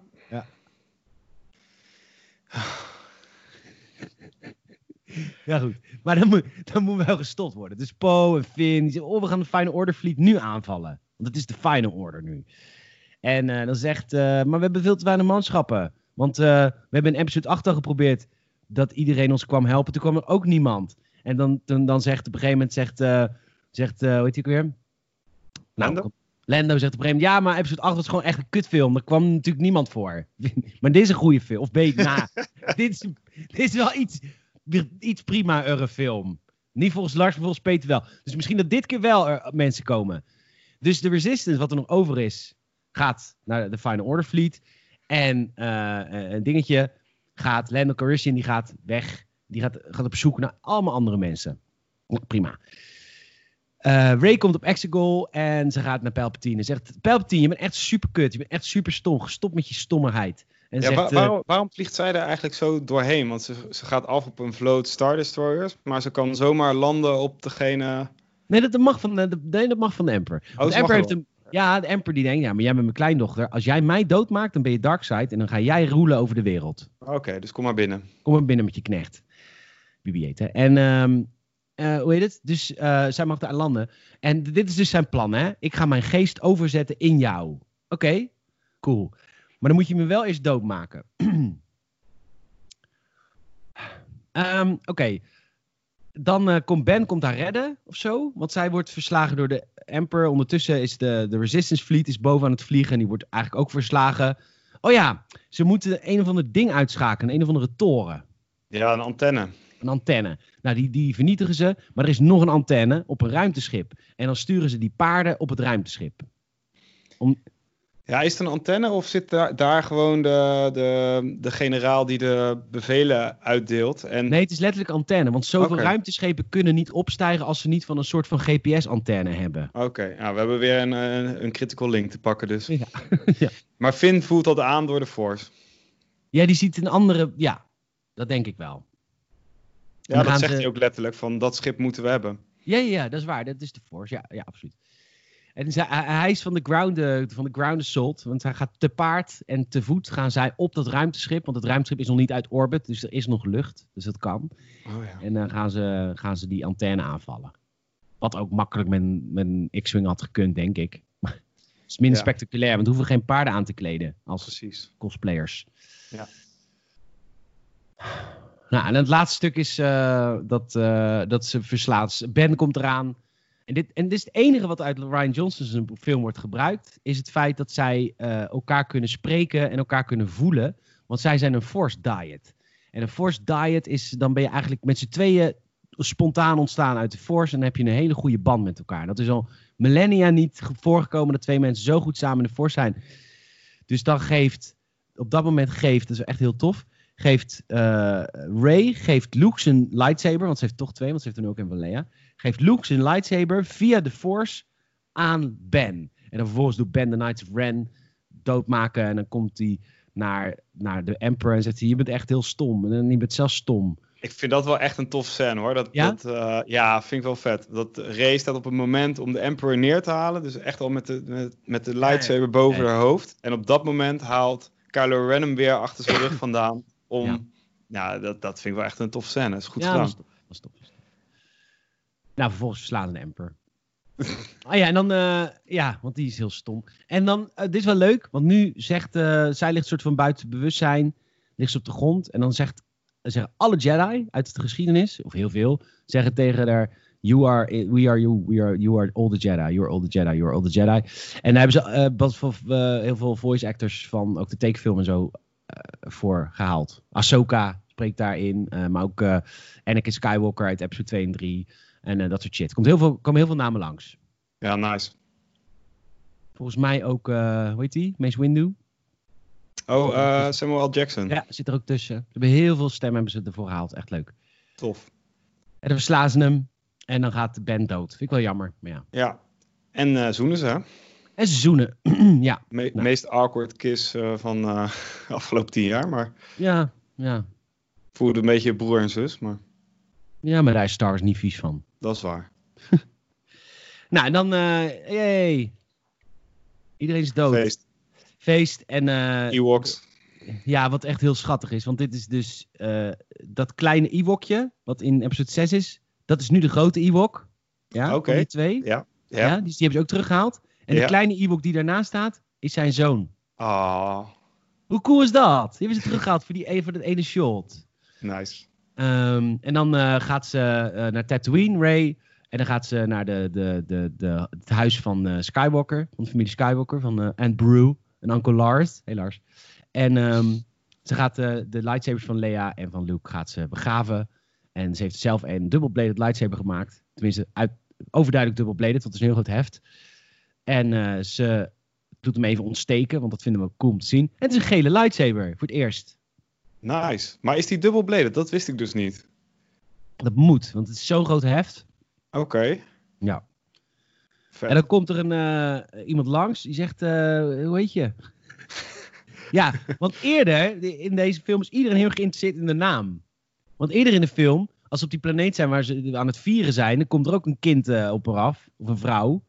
Die zegt, hoe heet je? Dan zegt ze Ray. Ja, maar wat is je familienaam? Ten eerste, wat boeit het nou? Wat, bemoei je mee? Ja, ze, precies. ja, nou gewoon. En dan zegt ze, nee, ik, heb geen, ik heet gewoon Ray. En nu komt er weer iemand langs en zegt, hoe heet je eigenlijk? Nou, wat, bemoei je mee? En zegt ze Ray Skywalker. Dat vond ik wel leuk. Ja, vond ik vet. Vond ik vet. Terwijl, en dan kijken ze naar de maan. En dan kijkt ze naar de maan. Hoe vet was het geweest als ze gewoon had gezegd, Palpatine, hoezo? Ja. hoe vet was dat geweest? ja, precies. Ja. Ja. Nou, ik vond, ik- ja, er is wel wat kritiek op geweest, maar ik vond het wel een goede, goede afsluiter zo. Ja hoor, dat was prima. En zonde dat, eh, dat Ryan Johnson dit verneukte, want het zijn echt leuke karakters. Ja, zeker. zeker. Maar goed, eh, ja, wie weet gaan we gewoon door hierna. Denk je? I, I don't know. Ik bedoel, er zit geld in, eh, Disney. Ja, maar gaan ze dan niet gewoon andere films maken? Ja, I don't know. We zullen zien. Tijd zal het leren. Ja, oké. Nou, wat eh, de sequel era. Het is eh, turbulent. Ja, zeker. Het is rommelig. Het, eh, het wringt aan alle kanten. Ehm, maar het is ook wel weer leuk om het erover te hebben. En ondanks dat ik misschien een beetje salty ben erover, ja, heb ik wel gewoon echt heel veel plezier om deze films te kijken. En dat, dat het ook zoveel met mensen doet, dat geeft alleen maar aan dat zoveel mensen van Star Wars houden. En het ook belangrijk vinden dat het de goede kant uitgaat, zeg maar. Ja. En eh, ja, het blijft gewoon een hele toffe eh, franchise. Om, om, ook al komt er nu weer een nieuwe film, ik zal er toch altijd heen blijven gaan, denk ik. ja, we love to hate it ook. Precies, ja, dat denk Ja. ik ook. Kijk nu ook met in retrospect hoe mensen over de prequels praten door de sequels. Dat is ook helemaal veranderd. En ik denk dat dat misschien ook wel met deze films gaat gebeuren. Ja. Ja, ik ken wel echt mensen die episode echt, echt heel tof vinden. Episode 8 echt heel tof vinden, omdat ze het zo anders vonden. Ja, ja dat is dan, ja, En die zijn ook echt voor dat gevecht van dat Luke zich heeft afgesloten van de Force. Dat ze dat echt tof vinden. oké. Ja, Dus ik wel wat, ja, goed. We gaan zien wat de toekomst ons brengt. Op het Ja. lijstje staan een Obi-Wan Kenobi serie, seizoen 2 van de Men. Het lijstje is eigenlijk voorlopig gewoon Disney+. Plus. ja, En de film van eh Waititi. ja, ja, ja. Hoe is jouw Star Wars liefde nu? Kijk je uit naar die films? Ja, maar ik ben wel meer, ik, nu de Mandalorian is verschenen, kijk ik meer uit naar, naar de series. Ja, ja, snap ik. Ik, heb, Ik weet eh, nog- Ik weet nog toen eh, Rise uitkwam, dat, dat was ongeveer tegelijkertijd, toen draaide se- seizoen 1 van The Mandalorian. En dat Ja. ik echt nog zoiets had van, oké, even kijken welke kant het uitgaat. Ga ik de series, series vetter vinden? De eerste delen waren al uit, die waren heel erg goed. De eerste afleveringen. Eh, ga ik eh, Mandalorian vetter vinden of eh, Rise of Skywalker? En ik ben nu wel echt op het punt dat ik denk van, ja, ik ben gewoon veel nieuwsgieriger naar de series. Ja, en dat, door, die, door, die, door de volume, de manier waarop ze het maken, kunnen ze ook nu goedkoop en makkelijk series maken. Goedkoop. Ja, ja, ja. Dus de toekomst ligt wel. Want als je, ik heb de making of eh The Rise of Skywalker gezien. Dat is een ouderwets, dat is natuurlijk niet. Maar daar wordt, daar, dat is zo duur om te maken, wat ik daar allemaal zie. Hoeveel ze hadden kunnen bezuinigen door alleen al de volume te gebruiken bij zo'n film. Ja, maar aan de andere kant, doordat je zo eh, eens in de twee jaar een film uitbrengt, heb je natuurlijk ook wel heel veel bioscoopbezoeken. Ik bedoel, Rise of Skywalker was volgens mij wel weer een groot kastsucces. Dus op zich verdienen ze daar ook wel weer genoeg aan. Ja, ze hebben er wel aan verdiend, ja. Ja, Meer dan een miljard. Nou ja, lekker. niet aan verdiend, maar dat is wat het heeft opgeleverd. De film Ja. kostte 275 miljoen dollar. Oké. Wat een bedrag, hè? Tja, echt, echt bizar. Jij bent filmmaker. Ik denk niet Ja. dat je... Nee, eh, ik heb iets andere Excelletjes, ja. Ja. Goed. Lars, wat een, eh, ik vond het leuk om deze, dit avontuur met jou aan te gaan. Ja, ik vond het super leuk dat je me vroeg. En ja, ja super tof om ook weer eh, op Gamersnet terug te zijn na een jaar of tien. Ja, tof ja. Dus, eh, Ehm, ik, eh, ik dank jou hartelijk voor je, voor, je, voor je medewerking in het maken van deze podcast. Misschien gaan we nog wel een keer wat doen. lijkt me leuk. Lijkt me leuk. Ehm, ik weet niet wat er volgende week op het programma staat van de Gamers Net Fanzones. Ik heb twee bezoekers die een fanzone willen maken. En ik ben Tom aan het vragen of die een fanzone met me wil maken over Fable. Maar eh, daar heb ik nog geen antwoord op. Want appen en Tom is een beetje lastig soms. Uh, ja, is het helemaal zo. Dan uh, rest me niks anders te zeggen dan jij, de luisteraar, onwijs bedanken. Um, Tell a friend hè, over deze podcast. Laat één iemand weten dat deze podcast bestaat. En je maakt ons uh, groter in al die lijstjes waar we heel erg blij mee zijn. Je mag een review achterlaten op Apple Podcast. Of extra support en extra content kun je altijd ons supporten via patreon.com. Dus Gamersnet. Lars bedankt. Peter bedankt. Luisteraar bedankt. En tot de volgende Gamersnet Thanks.